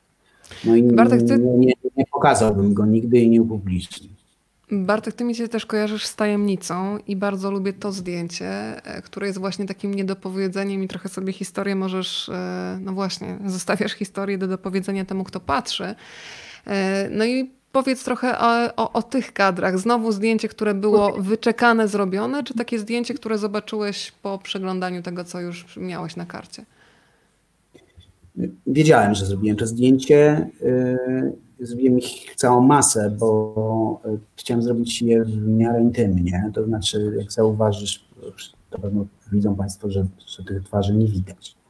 E, często jest tak w mojej fotografii, po to właśnie, żeby nie burzyć intymności, nie nadużywać, wykorzystywać tego. Stąd też trochę mój styl się wziął fotografowania ulicy. Że te postaci często są mało widoczne, niewidoczne, nie do rozpoznania, albo twarze są pochylone, tak żeby właśnie gdzieś zachować tę intymność a jednocześnie buduje się takie trochę ciekawsze story zdjęcia, bo każdy może sobie dopowiedzieć coś swojego. Mm, a to jest zdjęcie na Paddington Station e, w Londynie i to była Japonka prawdopodobnie. E, ona jest bardzo retro. Też była tak ubrana i tak zwróciła moją uwagę. Często w ogóle są takie, takie detale, szczegóły, które zwracają moją uwagę i wtedy ja taki alert robię sam sobie i z, z, takim radarem idę wtedy w tamtym kierunku. Gdzieś staram się ten, tego nietypowego człowieka gdzieś uwiecznić w jakiejś ładnej przestrzeni. Kolejny piękny moment takiej codzienności właśnie zatrzymane w kadrze. Zawsze lubię te zdjęcia, które nadają wagi właśnie tej codzienności, zwykłości bym powiedziała. I znowu się przenosimy. Cieszę się, że w tym zamknięciu dzięki Tobie Bartek dzisiaj też możemy popodróżować, więc teraz e, kilka słów o historii tego zdjęcia. To też jest zdjęcie z wystawy In Bubble, e, rok 2016. Zrobiłem je prawdopodobnie w 2014 roku w Nowym Jorku, to jest w okolicach Chelsea e, e, na Manhattanie. Mm. No właśnie, ten kadr. Ja czasami jestem w szoku, jak widzę te zdjęcia później post factum, bo naprawdę często nie zdaję sobie sprawy do końca, jak się udaje złapać coś bardzo symetrycznego, fajnego. Tutaj prawie jakby ktoś zatrzymał stop klatkę w filmie bo po prawej stronie sobie jedzie gentleman na rowerze, po lewej stronie sobie idzie gentleman z telefonem w swoim świecie, trzymając y, chyba jakieś nosidełko dziecięce, a po środku idzie wolnym, spokojnym krokiem. Starsza pani, której też do końca nie widać, coś, z czego się cieszę, y, która zawiesza swoją y, prawą stopę nad ziemią, nie dotyka nią ziemi. I, I to takie światy, które się mijają gdzieś, nie? Kompletnie. W takiej bliskości fizycznej, tak. kompletna odrębność. Tak. Bartek, to ja jeszcze mam kolejne zdjęcie, którego jestem bardzo ciekawa, bo ono jest magiczne i tutaj bardzo ci sprzyjała natura, ale y, trzeba być w dobrym miejscu o właściwej porze i też wykorzystać pewnie y, konkretne parametry w aparacie. To inna sprawa, ale y, tutaj znowu sobie można dopowiedzieć wszystko. Co dla ciebie znaczy to zdjęcie? No, w niebo wstąpienie. Albo może nawet jakaś ucieczka z tego niebowstąpienia. Ktoś, kto mógłby powiedzieć, e, hej, chcecie mnie tam na górze, ja jeszcze nie chcę. To jest zrobione też w Londynie, w takim bardzo burzowym, e, burzowym, przy takim burzowym niebie, o późnej bardzo godzinie, tuż przed gdzieś zachodem. Ja lubię operować, coraz bardziej lubię operować i w portrecie, i w życie światłem i cieniem. I to zdjęcie jest taką emanacją tego, tego mojego podejścia w pewnym sensie. tak, tak. Ja, ja też je lubię. One też bardzo malarskie, przyznasz, prawda? Dokładnie, bardzo je lubię. To jest jedno z tych, które wybrałam. Bartek, e, pytanie od pana Mikołaja. Który ze swoich projektów uważasz za najbardziej przełomowy, taki, który pomógł ci budować styl? Ja myślę, cześć Mikołaj. Mikołaj to, ja się przyjaźnię z Mikołajem, bardzo mi miło, że jesteś stary. Jeszcze jesteś, Mikołaj też jest fotografem. No chyba In a Bubble, czyli całkiem niedawno, 2016 rok, kiedy, mm, kiedy właśnie e, udało mi się wykrystalizować taki trochę mój styl fotograficzny, to o czym przed chwilą mówiliśmy, czyli takie e, zanurzenie się w ciszy miejskiej, łapanie momentów, w których człowiek gdzieś jest y, jakąś częścią krajobrazu, częścią perspektywy miejskiej, a nie jest koniecznie najważniejszą częścią tego obrazu. E, ale czasami jest ważne, tak jak na tym zdjęciu, które wraz wrzuciłaś, Weronika, i nie uciekaj od niego, bo to jest moje. Wracam, moje wracam, zdjęcie. wracam, już. E, to jest, to jest zdjęcie też nowojorskie każdy z nas tam może w sumie siedzieć, chociaż ta dłoń taka bardziej koścista, więc marynarka też, więc wygląda na to, że to mężczyzna, e, który spożywa swój lunch. E, prawdopodobnie uciekł z pracy, żeby się najeść, szybko pewnie do tej pracy wrócił. E, Bartek, ale powiedz też no. o rozmowach, które ty prowadzisz, bo to jest dla mnie zawsze, kiedy myślę Bartek Maciejewski, to widzę człowieka, który jest taki zachłanny, ciekawy świata i ta rozmowa, że, że, to nie jest tak, że masz obiekt do fotografowania, tylko ty chcesz poznać tego człowieka. A jesteśmy cały czas przy tych sytuacjach streetowych. Podchodzisz mhm. potem, e, w momencie, kiedy na przykład masz portret na ulicy. Zastanawiam się, czy zawsze pytasz, nie wiem, o zgodę, rozmawiasz, zatrzymujesz mhm. tych ludzi. Pokażę też e, zdjęcie, które bardzo lubię. Nie wiem, czy ono już dzisiaj tutaj nie... O, stryk Y, było, bo zastanawiam się, jak na przykład zrobiłeś tę fotografię, bo tutaj kontakt jest bardzo bliski, to spojrzenie jest takim spojrzeniem, którego się nie zapomina. Ja już ten kadr będę miała zapisane w głowie jako twój, na bank. To też ulubione zdjęcie Weroniki Szwarc-Bronikowskiej, yy, która być może jest, dla mnie może nie, nie wiem, a jak jest, to pozdrawiam, jeśli nie, też pozdrawiam. Yy, to jest zdjęcie zrobione w Harlemie, 2014 rok. Yy, i tak, y, jeżeli robię takie bliskie portrety, zawsze proszę o zgodę, zawsze proszę i pytam, czy jest ok. E, no i robię takich zdjęć coraz mniej, bo jednak ten mój street idzie w stronę takiej anonimowości, takiej, takiej pustki. Natomiast rzeczywiście akurat ten projekt y, Znikający Harlem właśnie 2014 był właściwie oparty na zdjęciach portretowych. Tam rzeczywiście zatrzymywałem ludzi i robiłem im często taki dobry, znaczy dobry portret portret pozowany w jakimś sensie. Ten człowiek w zasadzie nie pozował, po prostu spojrzał na mnie.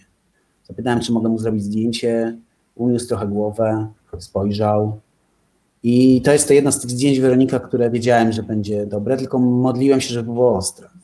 To, to najlepsze, bo tam zrobiłem mu za 20 klatek, jak zwykle.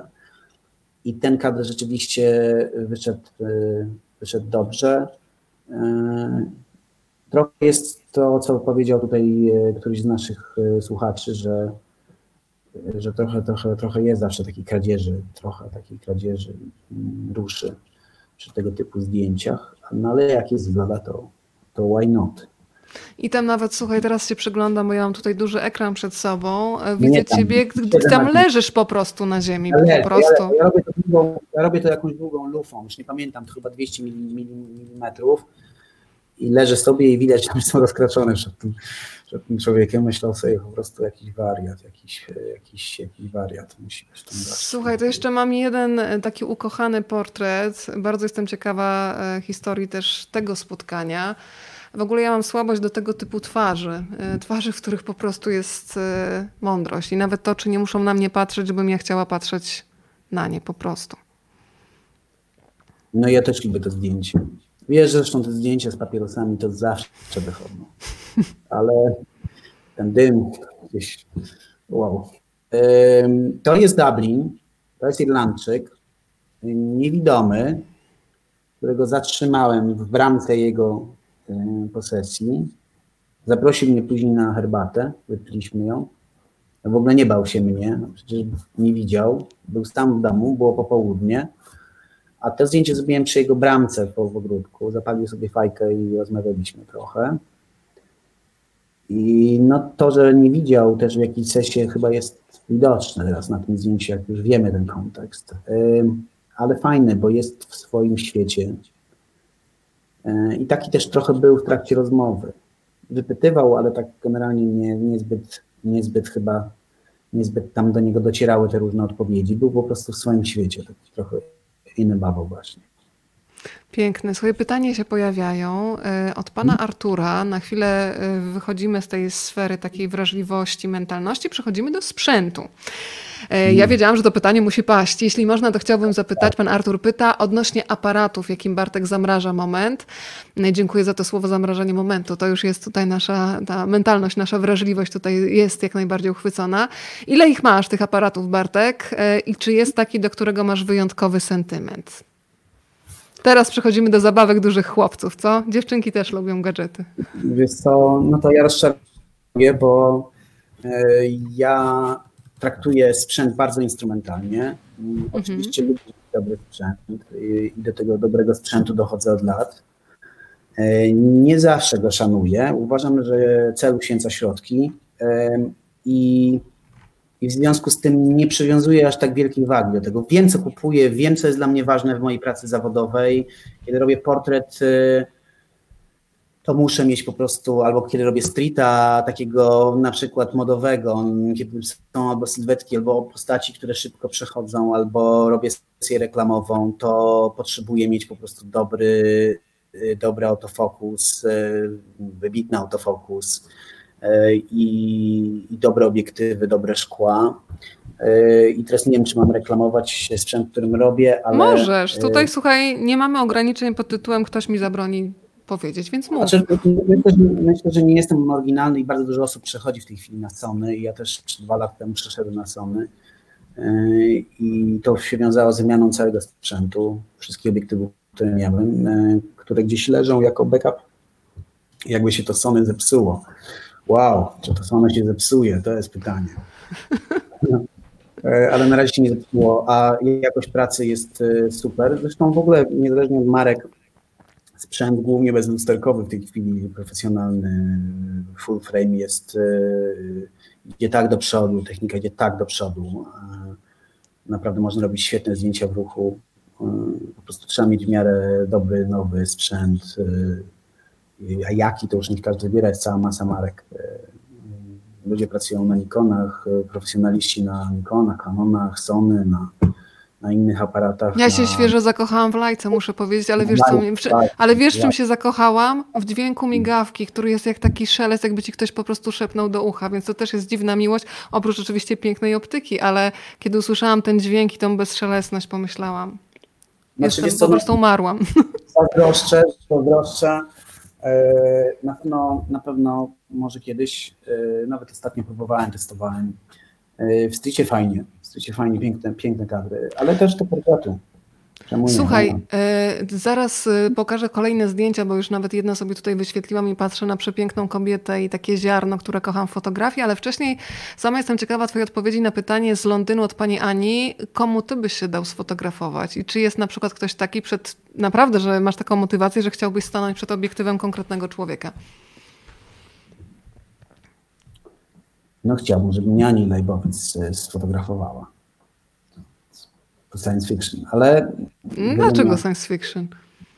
To może tak. Y, jest cała masa fantastycznych fotografów polskich. Miałem kiedyś okazję być sfotografowany przez Andrzeja Świetlika. To był portret, może nie taki jak, ze względu na to, jak, kim ja byłem wtedy, co robiłem i jak się czułem ze sobą, może, ale na pewno Łódź Kaliska i w ogóle Andrzej Świetlik, cała zresztą banda Łodzi, tak. w cudzysłowie banda Łodzi Kaliskiej jest czymś fenomenalnym, a Andrzej Świetlik jest wyjątkowy i też są to portrety, jest portrecistą genialnym, który, który zrobił zdjęcia wielu osobom, których już nie ma wśród nas, wybitne zdjęcia, choćby Grzegorza Cichowskiego czy innych. Także gdybym miał szansę kiedyś się uśmiechnąć do Andrzeja Świetlika, on chciałby tą moją ponurą, starą twarz uwiecznić. nie kokietuj, nie kokietuj. Kolejne pytanie. Mhm. Od pani Doroty. Fotografia uliczna to jest dość trudną dyscypliną ze względu na ochronę wizerunku. Czy zdarzają ci się, Bartek, nieprzyjemne sytuacje ze strony przechodniów i czy miewasz bariery przed e, tego typu fotografią? Nie zdarzają mi się, ale mm, tak jak rozmawialiśmy przed e, jak paroma chwilami, tak też kształci się mój styl fotograficzny streetowy. To znaczy, jeśli fotografuję miasto, to głównie fotografuję miasto z człowiekiem w tle E, jeżeli robię już portret streetowy kogoś, to pytam, e, więc staram się mm, staram się nie nadużywać i nie wchodzić w konflikt. Kiedyś ukradziono mi obiektyw na Bronxie, ale nie dlatego, że robiłem zdjęcia, tylko dlatego, że on był zbyt widoczny. A gdybyś mogła pokazać Weronika zdjęcia Teletubisi, to byłoby cudownie. Teletubisi, oczywiście. Już szukam Teletubisi i zaraz będą. Bardzo proszę. Życzenie i proszę. Już jest spełnione. Tutaj jeszcze komentarz, żeby nam nie zasłaniał. To dla Tomka zdjęcie. A, bo ty już przeczytałeś Tomka pytanie, więc dla tych, którzy nie zdążyli zarejestrować, czy fotografii ulicznej, pan Tomek pyta, zdarza się, że wyczekujesz w danym wybranym miejscu, które jest dla ciebie idealne, brakuje w tym człowieka i uzupełniasz tę przestrzeń w swojej fotografii. Pozdrawiam Tomka, pozdrawiam Łódź. E, bardzo się cieszę, Tomek też robi zdjęcia i bardzo dużo zdjęć takich, które podziwiam. E, czy robię, e, czy wyczekuję, staram się nie wyczekiwać. Natomiast, no bo to nie ma sensu. No bo, no bo to nie ma sensu, po prostu można stracić pół dnia. Lepiej szukać, lepiej, lepiej chodzić, lepiej skanować rzeczywistość, lepiej się przyglądać temu wszystkiemu iść, pokonywać, pokonywać, pokonywać wszystkich streetowców, którzy chcą być streetowcami, są streetowcami, będą streetowcami. Trzeba pokonywać przestrzeń, szukać, wejść w dobry nastrój, swój własny. Może czasami trzeba mieć muzykę na, na, na uszach, słuchawki po, polecam, czasami też bez. E, I szukać kadrów. Ten kadr tutaj z teletubisiami jest e, moim ulubionym kadrem streetowym. Bartek, a powiedz mi, jak jest, e, powiedziałeś o tym nastroju, że trzeba mieć nastrój. Ja czasami łapię się na tym, że oglądam na przykład fotografie sprzed lat i myślę, jej, ile ja widziałam. I widzę w sobie, na przykład zauważam, że teraz aż tyle nie zauważam, co jest takie dla mnie trochę niepokojące. Potem jest jakiś kolejny miesiąc czy rok życia, kiedy mam wrażenie, że znowu mam w sobie większą czujność i, i potrafię coś zarejestrować. Czasami mam takie momenty niemocy, jakbym przestała widzieć rzeczywistość taką, którą mam w sobie. Więc zastanawiam się, jak jest u ciebie i czy takie stany, wiadomo, że każdy z nas ma przeróżne etapy w życiu, zawodowe, prywatne, co wpływa bardzo mocno na to, jak się czujemy. Mm, I jak właśnie takie różne zawirowania życiowe na ciebie wpływają? Ty jesteś bardziej wyostrzony i, i jeszcze mocniej y, widzisz rzeczywistość. Czego ty potrzebujesz, żeby mieć takie flow do robienia zdjęć? Jak te nastroje prywatne wpływają na, na, na zawodową część? Znaczy, to są dwa światy. Y, y, po, znaczy, po pierwsze, ogólnie powiem, że tak, y, nastrój wpływa na to, co robimy, jak robimy, a to dotyczy fotografii, a też tego, co Wszystkiego. robimy w innych obszarach swojego życia. W fotografii czasami ma to pozytywny wpływ, wtedy, kiedy ja miewam takie okresy gór, górek i dołków, może to nie są depresje, ale czasami mam takie, takie trudniejsze chwile. One są związane czasami z wydarzeniami, które się dzieją jakimiś e, e, życiowymi, ale czasami po prostu tak jest. E, I kiedy wychodzę na ulicę i szukam streetowych zdjęć, to, mm, to to mi nie przeszkadza. To może mnie nawet jakoś nastroić. Wtedy szukam trochę innych kadrów. Jakby takich, które oddają, to, to się dzieje samoczynnie, naturalnie, oddają, są refleksją mojego stanu duszy aktualnego. Natomiast w pracy zawodowej, w fotografii portretowej, kiedy pracuję dla prasy, czy dla, mm, czy dla klientów komercyjnych, czy, czy, czy nie daj Bóg robię reklamę, czy jakieś zdjęcia promocyjne, to, y, to dobrze jest być w dobrej formie. To, to zdecydowanie dobrze jest być w dobrej formie, bo mm, no bo to zabiera po prostu bardzo dużo uwagi. Nie można wpadać w jakieś sentymentalne nastroje, mm, tylko po prostu trzeba być zwartym, gotowym, e, bezpośrednim. A u mnie w fotografii z ludźmi, bo ja głównie ludzi fotografuję też komercyjnie, zawodowo, nieprawdopodobnie ważny jest kontakt. I to, żeby ta druga osoba, którą fotografuję, czy osoby, które fotografuję, dobrze się ze mną czuły. Czyli ja też muszę się czuć sam ze sobą dobrze. Bartek, bardzo się cieszę, że Państwo tak podążają za tymi opowieściami. Mam takie wrażenie, jakbyśmy siedzieli faktycznie wspólnie na kawie, chociaż ta kawa jest wirtualna. E, pan Piotr, skoro temat padł, jakiej muzyki, Bartek, słuchasz robiąc zdjęcia? Czy masz jakiś ulubiony kadr sklejony z konkretnym muzycznym fragmentem? Piotr Barański, coach wybitny. Bardzo miło, pozdrawiam. E, cieszę się, że jesteś, Piotrek. Czy jakiejś muzyki. E, no tak jak powiedziałem, to też jest odzwierciedlenie jakiejś mojej, mojego aktualnego nastroju, kiedy jestem, pracuję na ulicy. Mm, ja bardzo lubię kilka, w ogóle lubię elektronikę, a taką elektronikę rockową, no to na przykład Radiohead, którego, których uwielbiam.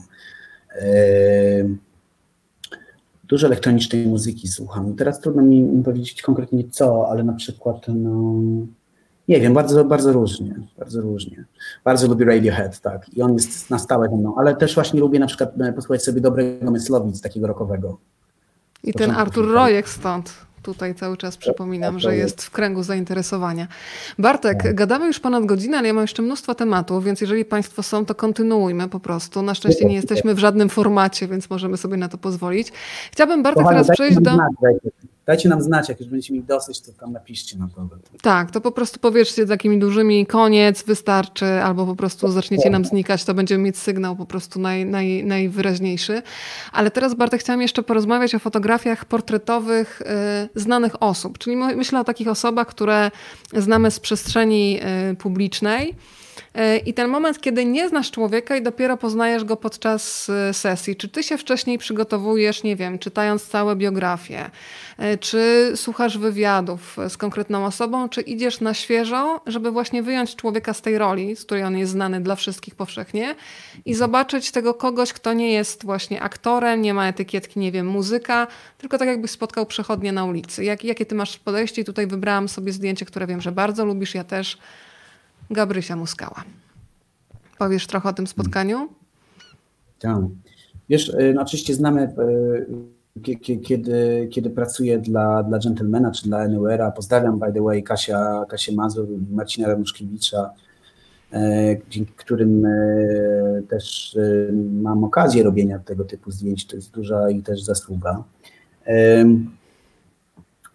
Więc kiedy, kiedy idę i robię Gabrielę Muskałę, to oczywiście znam filmy, w których występowała, podziwiam ją, wiem mniej więcej, bardziej mniej niż więcej pewnie, bo też tego czasu nie ma zbyt dużo, ale wiem oczywiście o danej aktorce, wiem kim jest, co grała.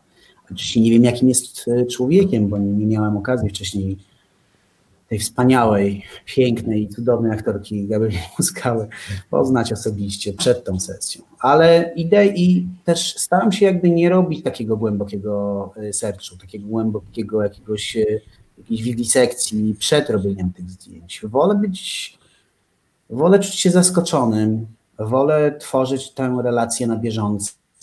E, nie staram się analizować kim je robi, jaka jest prywatnie, po prostu idę i robię zdjęcia i to jest, to jest piękne, bo to też nie tworzy jakichś barier, nie tworzy jakichś, e, jakichś stereotypów, nie powielam tych, tych stereotypów, tylko po prostu idę i robię zdjęcia. No to A jak się teraz... robi zdjęcia Gabrieli Muskały, Muskale, to, to jest jakby inna rzecz, bo, bo w ogóle z aktorami jest e, ta trudność, że aktorzy grają. Teraz, żeby dobrze zrobić portret aktorski, to dobrze by było doprowadzić do sytuacji, w której przestają grać. E, I to jest największe wyzwanie przy fotografii aktorskiej. To teraz Mam nadzieję, że mi się chyba... to udaje. To teraz chyba przywołam bardzo miłe wspomnienia z współpracy z Michałem Urbaniakiem. No chyba sobie bardzo fajnie pochodziliście po mieście i, i w ogóle spotkanie z panem Michałem to musiała być frajda, to trochę podziel się tą frajdą z nami też, okej? Okay? E, na pierwsze spotkanie w ogóle z Michałem Urbaniakiem e, poszedłem z magazynu Gentleman, robiliśmy sesję, to był rok 2000 bodajże 15. Było moje pierwsze spotkanie z Michałem i z Dorotą e, Palmowską, z Urbaniakami, tak? I, i, i to było mój, moje pierwsze zetknięcie się. Potem robiliśmy jeszcze jedną sesję bardziej prywatną dla Michała. A ta sesja, którą tutaj widzimy, czyli zdjęcie Michała pod mostem bruklińskim, zrobiłem w Nowym Jorku w zeszłym roku i spotkaliśmy się już na takiej dosyć e, przyjaznej, bardzo przyjaznej, można powiedzieć trochę przyjacielskiej, chociaż to oczywiście dla mnie jest jakaś aspiracja, ale przyjacielskiej stopie. No i to było coś niewiarygodnego, dlatego że Michał jest nowojorczykiem. Michał jest bardziej nowojorczykiem niż warszawiakiem, czy, czy yy, no i on jest po prostu bardzo, bardzo amerykański. Też jazz, który gra, zawsze mówi, że gra amerykański jazz. E, w ogóle, że jazz to jest jazz, on nie jest jazz polski, jazz amerykański czy jazz, jazz niemiecki, więc on mhm. grał u siebie, tak. Pokazał mi parę miejsc e, na Manhattanie głównie, no, w słynne Blue Note, całą masę klubów przejechaliśmy razem, potem zjedliśmy lunch, a, e, a w międzyczasie właśnie miałem okazję wyjść z nim na ulicę i Michał, legenda jazzu światowego, facet, który grał z Milesem Davisem i z całą masą e, wielkich jazzmenów, wyszedł e, ze swoim saksem mm, na ulicę, na środek alei, pod mostem bruklińskim i grał jak graje, pięknie grał, ale wyglądał jakby był grajkiem. Przejeżdżały około nas samochody, zatrzymywały się, otwierały się okna, zwalniały te samochody, on stał na środku ulicy i grał. I to jak grał, to jest po prostu niesamowite. Więc ja po prostu się wiłem przed nim, e, pod nim, nad nim, robiłem co mogłem, żeby te zdjęcia wyszły dobre i chyba ta okładka jest fajna. A to jest właśnie ta pierwsza sesja, mm, rok 2015, którą, na którą wysłał mnie ówczesny redaktor naczelny Gentlemana Jurek Mosek, którego też pozdrawiam serdecznie, też ważna postać w moim, w moim życiu zawodowym. E, I to jest takie zdjęcie właśnie, w którym, taki portret też, który lubię, którym udaje się zamknąć jakąś prawdę o, prawdę. Mhm. o człowieku.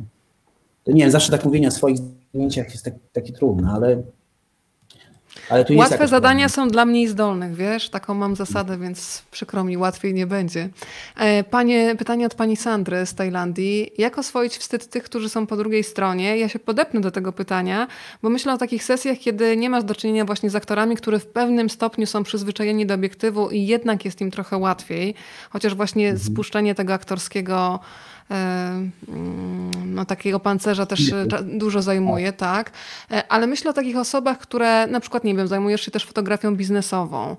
I bardzo hmm. często za takim pozorem, wiesz, silnego prezesa czy silnej prezeski jest ktoś, kto ma mnóstwo kompleksów w sobie, każdy z nas. E, ja sama doskonale wiesz, e, opieram się przed e, fotografiami chociażby, bo, bo po prostu się wstydzę. Weronika Ale zrobiłeś przepiękne zdjęcia na okładce książki, które się znalazły. Lizbona, miasto, które przytula. Zresztą to też jest cudowne, że w zasadzie to było bardzo spontaniczne i bardzo Ci dziękuję, bo pięknie patrzysz. Lubię te zdjęcia, rzadko siebie lubię na zdjęciach. Więc powiedz, jak oswoić wstyd tej osoby, która jest przed y, obiektywem i czy Ty widzisz, patrząc na daną osobę, że ona się czegoś wstydzi, nawet jeżeli w jej przekonaniu ma taką maskę pewnej siebie osoby. Hmm. Wiesz, e, wspomniałaś prezesów i prezeski, fantastycznych ludzi biznesu, których fotografuję tak. i, i których bardzo lubię fotografować. Często ludzie mówią mi, a czy to ci się nie nudzi, no bo to jednak jest jakaś fotografia biznesowa i tak dalej. E, nic bardziej mylnego. Dlaczego? Dlatego, że w każdym z tych ludzi, e, w każdym z nas jest człowiek. E, I i to, czego, czego ja staram się zawsze, co, co ja staram się zawsze szukać, to jest to, jest to człowieczeństwo. To znaczy, no oczywiście mamy przed sobą prezesa wielkiej spółki, ale dla mnie on przede wszystkim e, jest człowiekiem, który ma swoje różne e, zawiniątka, swoje historie i nie chodzi o to, żeby je odsłonić, ale żeby pokazać no, prawdziwego człowieka, a nie, a nie człowieka w marynarce z zamkniętymi rękoma na klatce piersiowej. Ale jak pięknie powiedziałeś, dziękuję Ci za to słowo zawiniątko, bo Ty teraz właśnie z tego zawiniątka tego człowieka odwijasz. No właśnie tak, ale też to, to nie jest jakby demaskowanie jego słabości, tylko pokazanie, i tutaj powiem drugą rzecz, która jest dla mnie ważna i która brzmi dość banalnie, ale naprawdę wierzę w to święcie i gorąco, że, um,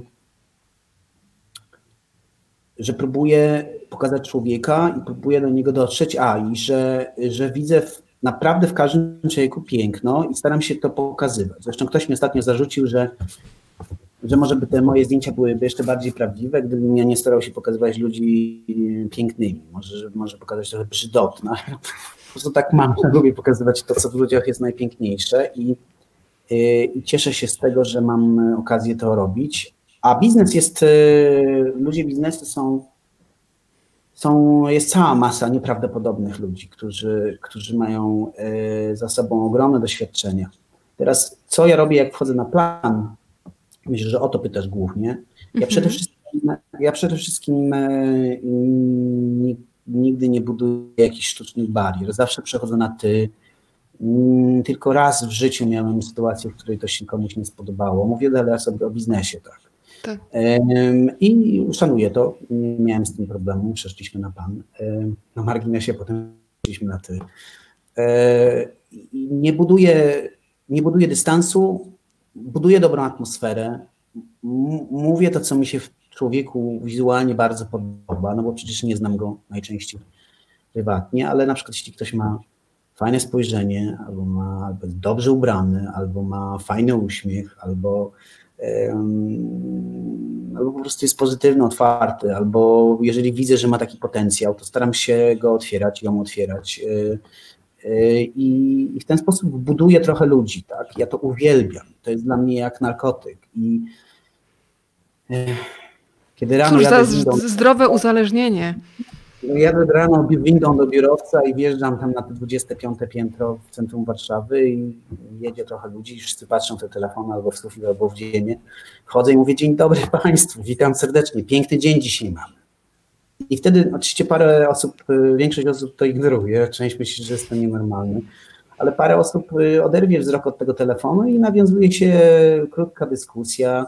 Jedziemy te paręnaście pięter i rozmawiamy sobie o, o czymś tam. Jest Słuchaj.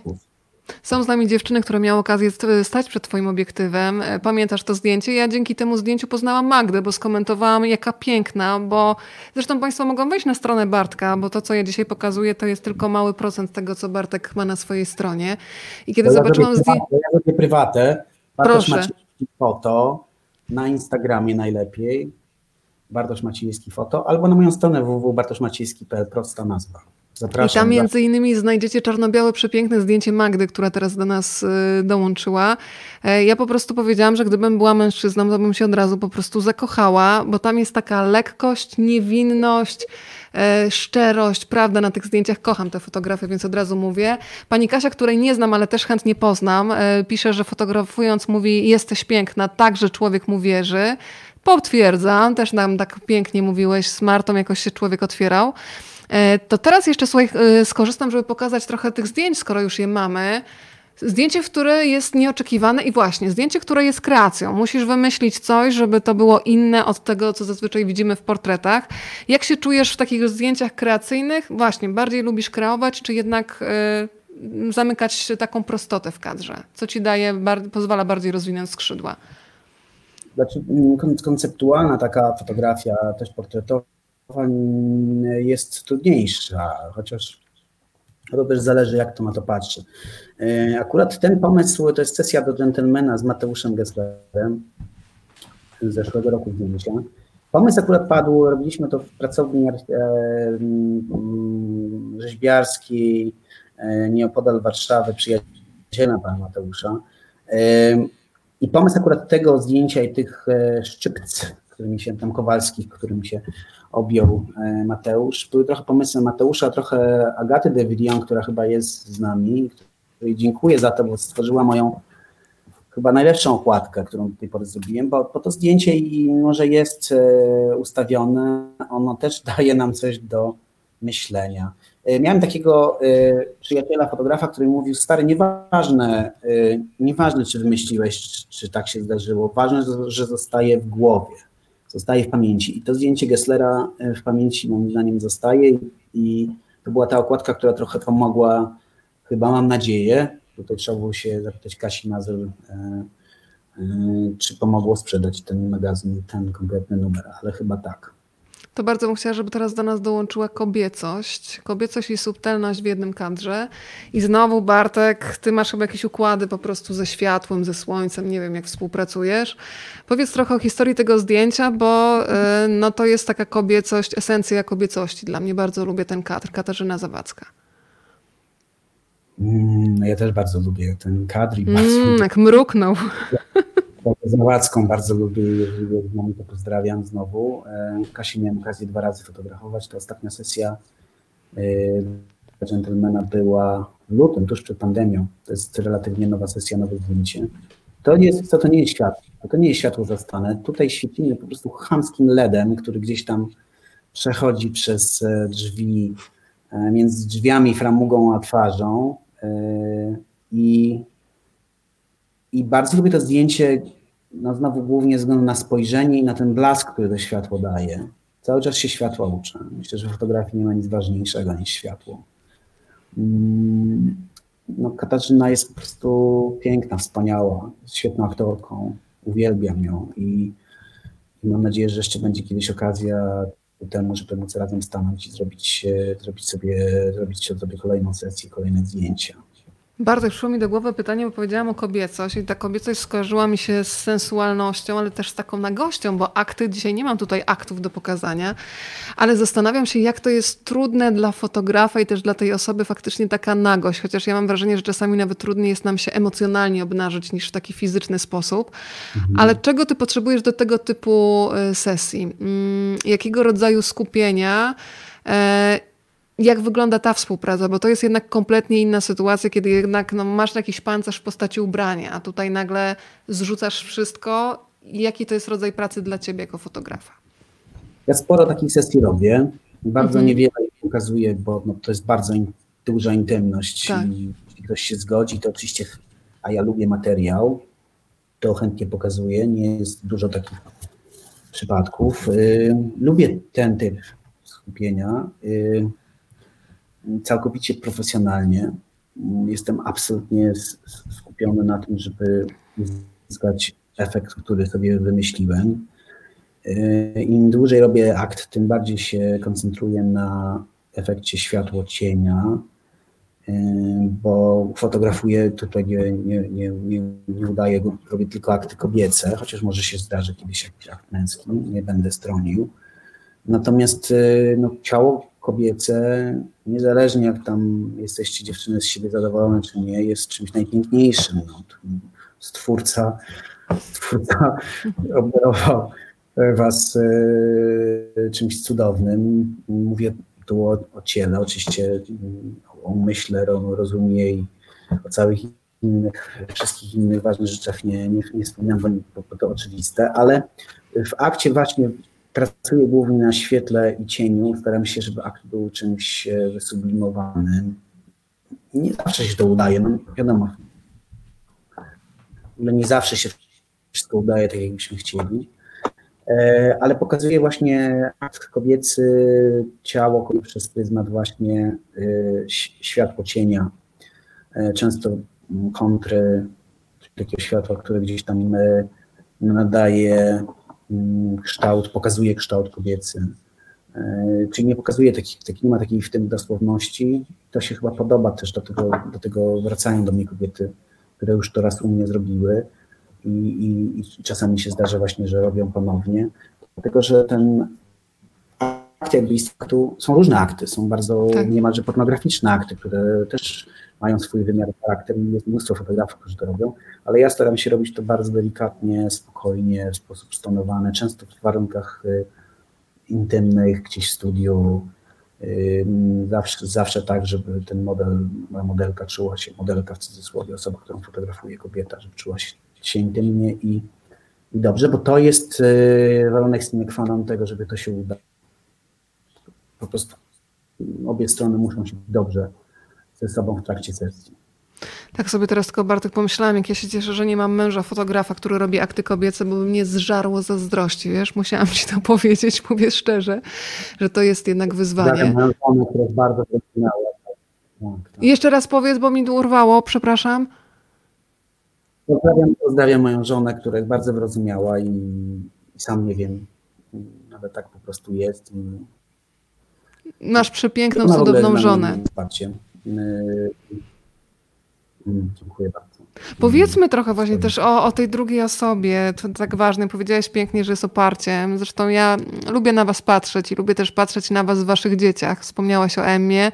E, wy jesteście taką fajną mieszanką e, i to widać w waszych dzieciakach. Zresztą Emma cudownie śpiewa. Nie wiem, czy jak państwo będą śledzić dalej Bartka i wpadniecie do niego na Facebooka, to tam pewnie Emmę też zobaczycie.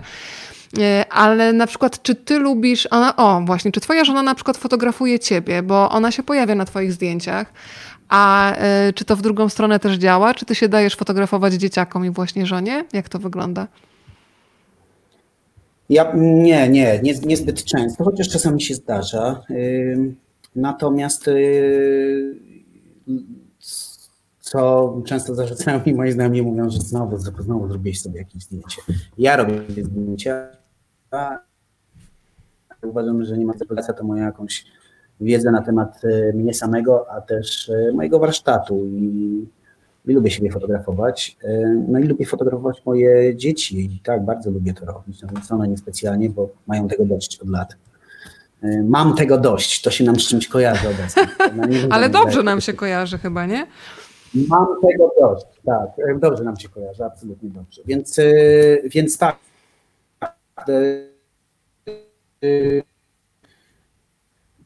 Jeszcze Bartek, bo, zamroziło cię, wiesz? Poczekaj. Zamroziło cię, nie wiem właśnie, czy dzieciaki nie korzystają intensywnie z internetu, te twoje dzieciaki, bo coś tu nam cię zawiesza. Mhm.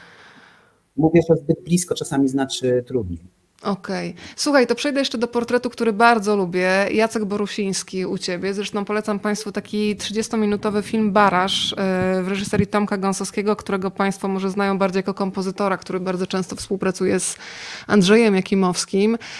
30-minutowy e, film, w którym Jacek Borusiński jest w roli głównej i okazuje się, że ten facet ma nie tylko potencjał fantastyczny komediowy, znany Państwu z kabaretu Mumio, ale także dramatyczny. Powiedz trochę o tym spotkaniu, bo tutaj też mamy kreację, ale znowu taką, od której ja nie mogę oderwać wzroku. Piękny portret. Y, Mumio. Y, nie lubią się nazywać kabaretem, y, czemu się nie dziwię, bo to wybitni artyści, a kabaret to kabaret. Natomiast to jest sesja zrobiona dla Anywhere.pl, do której zaprosił mnie właśnie Marcin Anuszkiewicz. Zrobiliśmy te zdjęcia w, w Teatrze Ateneum w czerwcu zeszłego roku. Wpadłem, wpadłem do, na, na tak zwane zaplecze teatralne. Oni się tam gdzieś przebierali, szykowali. Wpadłem i zobaczyłem, zobaczyłem właśnie tegoż to gentlemana, który wygląda na tym zdjęciu bardzo męsko. I szerokim obiektywem, bardzo bliskiego dystansu zrobiłem sporo portretów. W ogóle całej czwórce zrobiłem zdjęcia. Oni są uroczy, niesamowici. zabawni, trudni, bo wymagający. Yy, no i starałem się uchwycić właśnie to ich totalne krejzolstwo, a takie to profesjonaliści oczywiście, oni są w każdym calu poukładani, ale mi nie zależało na tym, żeby pokazać właśnie takie wariactwo, które tam jest i oni sami się nakręcają przed yy, każdym wystąpieniem. Bartek, to jeszcze kolejne pytanie. Do nagrania. Mhm. Kolejne pytanie do ciebie. Gdyby nie fotografia teraz, mówimy o tym momencie, nie tym, co było 8 lat temu, co byś zrobił, gdybyś mógł wybrać, a nie byłaby to fotografia? Czyli znowu teraz wyobraź sobie, no w sumie po 7 latach, to takie zmiany są nawet słuchaj wskazane, podobno co 7 lat warto coś zmienić, to może nie wyrzucajmy tej fotografii, bo wiem, że za bardzo ją kochasz, ale dorzućmy coś jeszcze. Co, ci, co czego chciałbyś spróbować? Powiem przewrotnie na to, bo teraz mieliśmy czas bardzo trudny. Ja przez 7 tygodni nie robiłem nic. E, wszystkie moje plany poszły do śmietnika. Podobnie pewnie jak wielu, wielu ludzi, którzy zajmują się zawodami quasi artystycznymi, artystycznymi czy jakkolwiek wolnymi. I powiem Ci szczerze, zresztą rozmawialiśmy o tym poza, no wcześniej, wczoraj, przedwczoraj, tak. że pojawiły się naprawdę duże wątpliwości. Człowiek zaczyna sobie zadawać pytanie, czy będzie mógł żyć z tego, co kocha, będzie mógł kochać to, czym się zajmował. To drugie raczej tak, ale czy będzie z tego wyżyć, to świat się zmieni. No na szczęście się okazuje ostatnie 3-4 tygodnie, że odbliższe powoduje, że będę mógł tym się zajmować, więc może to pytanie, które zadała Ewa i ty, y, może to pytanie nie będzie aż tak ważne, nie będzie musiało znaleźć odpowiedzi, ale gdybym miał się zająć czymś innym, y, y, wiem, może po prostu chciałbym, nie wiem, co mógłbym robić. Nie mam pojęcia. Może może otworzyłbym swój bar jakiś, gdzie bym spotykał się ze znanymi. Mogę tam podawać kawę? Chyba ja tobie. Nie, no ja z przyjemnością będę tam podawać kawę i opowiadać o książkach. Słuchaj, taką... Słuchaj, to powoli będziemy zamykać, bo już mamy półtorej godziny, ale jeszcze chciałam pokazać jeden portret, bo dla ciebie to też jest chyba taki e, mm, też przełom. Nie wiem na ile możesz powiedzieć, ale też doszedłeś do wniosku, że czas stawiać przed obiektywem tych, których chcesz postawić i wcale nie trzeba czekać na okazję pod tytułem zlecenia jakiejś okładki, prawda? Tak, tak, tak. tak. Znaczy, y, Tomasza Jastruna, którego przedstawiać nie trzeba, spotkałem w windzie, wjeżdżając 2 czy 3 lata temu w jakiejś sesji. Tomasz wszedł. To było, był przedpokój i hol do zwierciadła, o którym pisał. I mówię, o, pan Tomasz. A Tomasz spojrzał na mnie i mówi, o, a pan? Ja mówię, ja Bartosz. O, panie Bartoszu. I tak żeśmy zjechali z piętra, umówiliśmy się, że oczywiście jak to ja zacząłem rozmawiać, e, a Tomasz e, nie stroni od rozmów. E, I mówiliśmy, że zrobimy zdjęcie. Zrobiliśmy zdjęcie sobie 2-3 lata temu w jednym ze studiów warszawskich. A w tym roku w trakcie pandemii odwiedziłem Tomka Unigo w domu, to jest jego biblioteka. Jeżeli zdradzam, to masz tam mnie tam, wiesz, łokciem przód. Było wspaniałe światło. Tomasz mówił, że nie wie, dlaczego tak cierpi, wystawia tą swoją twarz do, do okna dachowego, ale powiedziałem mu, żeby być pewien, że będzie fajny efekt i wydaje mi się, że to zdjęcie oddaje jego taką właśnie genialność twarzy, genialność rysów, no, piękność, mądrość, szlachetność. Teraz Tomek naprawdę mnie zaraz zacznie, huknie mnie przez ten ekran tutaj, ale y, Tomasz jest jednym z, z tych ludzi, którzy, oczywiście wspaniałych pisarzy, poetów, ale tych ludzi, którzy jak ich postawisz przed obiektywem, to czego byś nie zrobił, to i tak wyjdzie bardzo dobrze, bo, bo to jest taka twarz. Słuchaj, jeszcze nie mogę... Pozdrawiamy pana Tomasza bardzo. Ja też kiedyś pana Tomasza też w zwierciadle spotkałam. Okazało się, że wynajmowałam mieszkanie, które kiedyś było jego i dzięki panu Tomaszowi się dowiedziałam, że sąsiadka, która do mnie przychodziła i korzystała z mojej lodówki, żeby tam masełko schować, wyjaśnił mi pan Tomasz, e, pytał mnie, w którym pokoju śpię. Ja mu powiedziałam tutaj. Mówi, wie pani, ta ściana jest bardzo cienka, jak dykta. Więc już zrozumiałam, dlaczego kiedy wstawałam o 5 rano, biegając na poranki do radia, 5.10 było ciche pukanie do drzwi po to masełko. Więc pan Tomek też mi ale to było dla mnie też miłe, żeby w mieszkaniu Tomasza Jastruna jakiś czas przebywać. Nie możemy jeszcze skończyć, bo Daniel się tutaj dopomina o swoje pytanie, bardzo proszę. Daniel, znamy o, jesteś z nami. To jest, to jest fotograf, to jest prawdziwa postać. To prawda. On wymyśla My... i realizuje, czego ja po prostu nigdy w życiu nie potrafiłem, pewnie nie będę potrafił.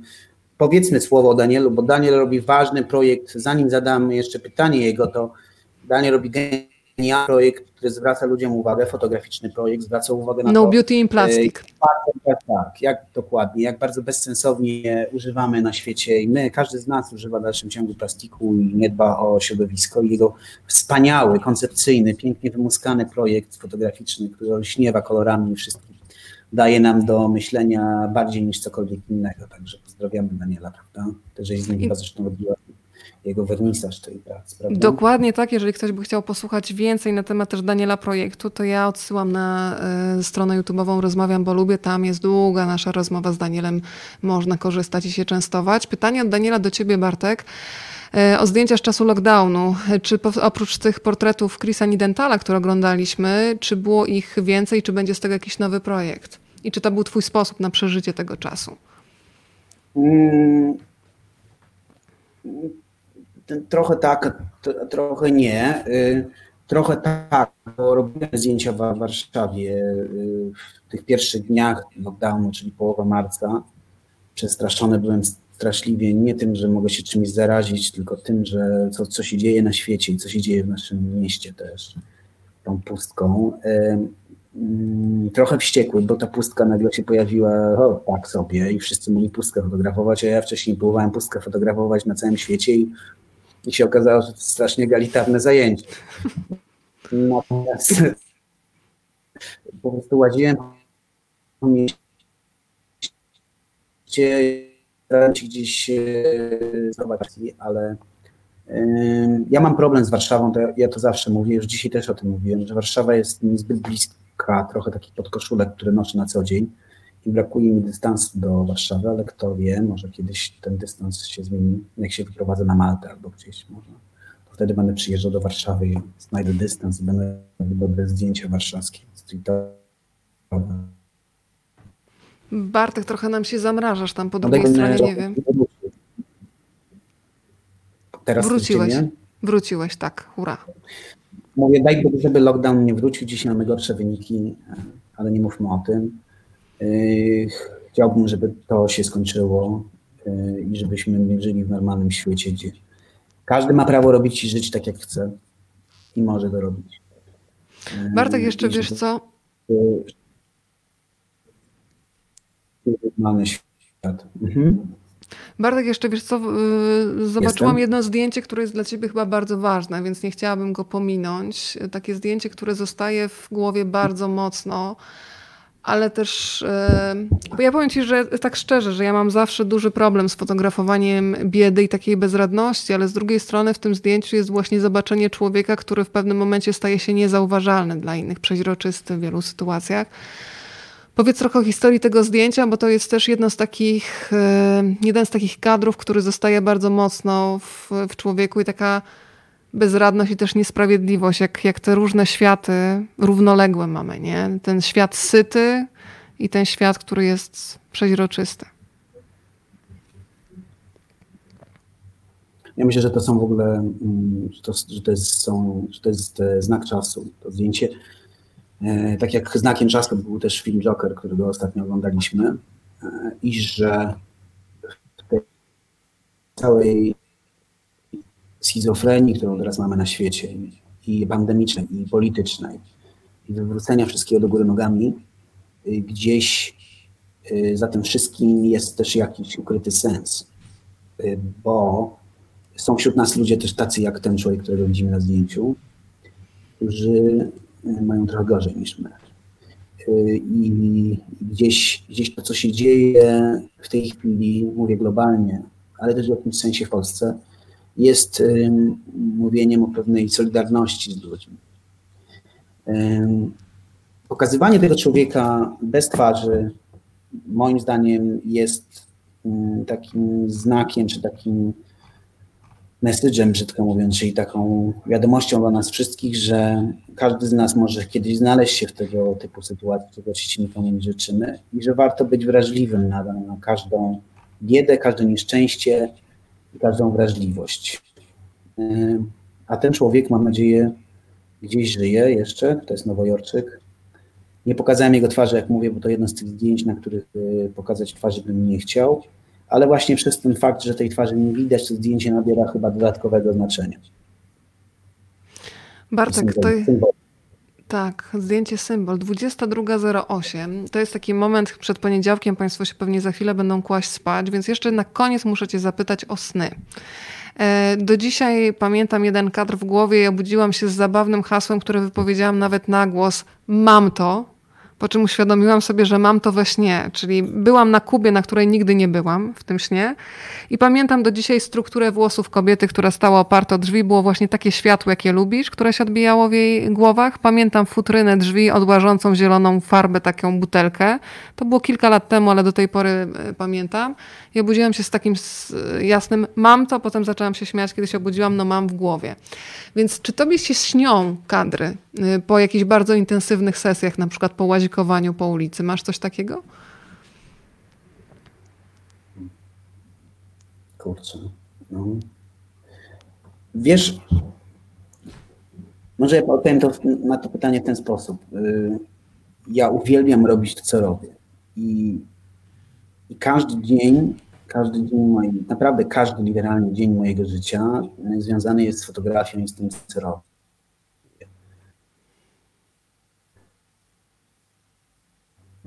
Myślę sobie, że sen jest tym momentem, w którym chcę do tego trochę resetować. I jeśli mi się coś śni, to może lepiej byłoby prosić Pana Boga, żeby już się nie śniło, bo, bo musiałbym mieć 24 godziny na dobę to, co kocham, a jak się ma za dużo tego, co się kocha, to się przestaje. Więc y, tak, śnią mi się czasami rzeczy. Y, najczęściej jakieś projekty, które mam zrealizować, na które mam całkiem niewiele czasu i martwię się tym.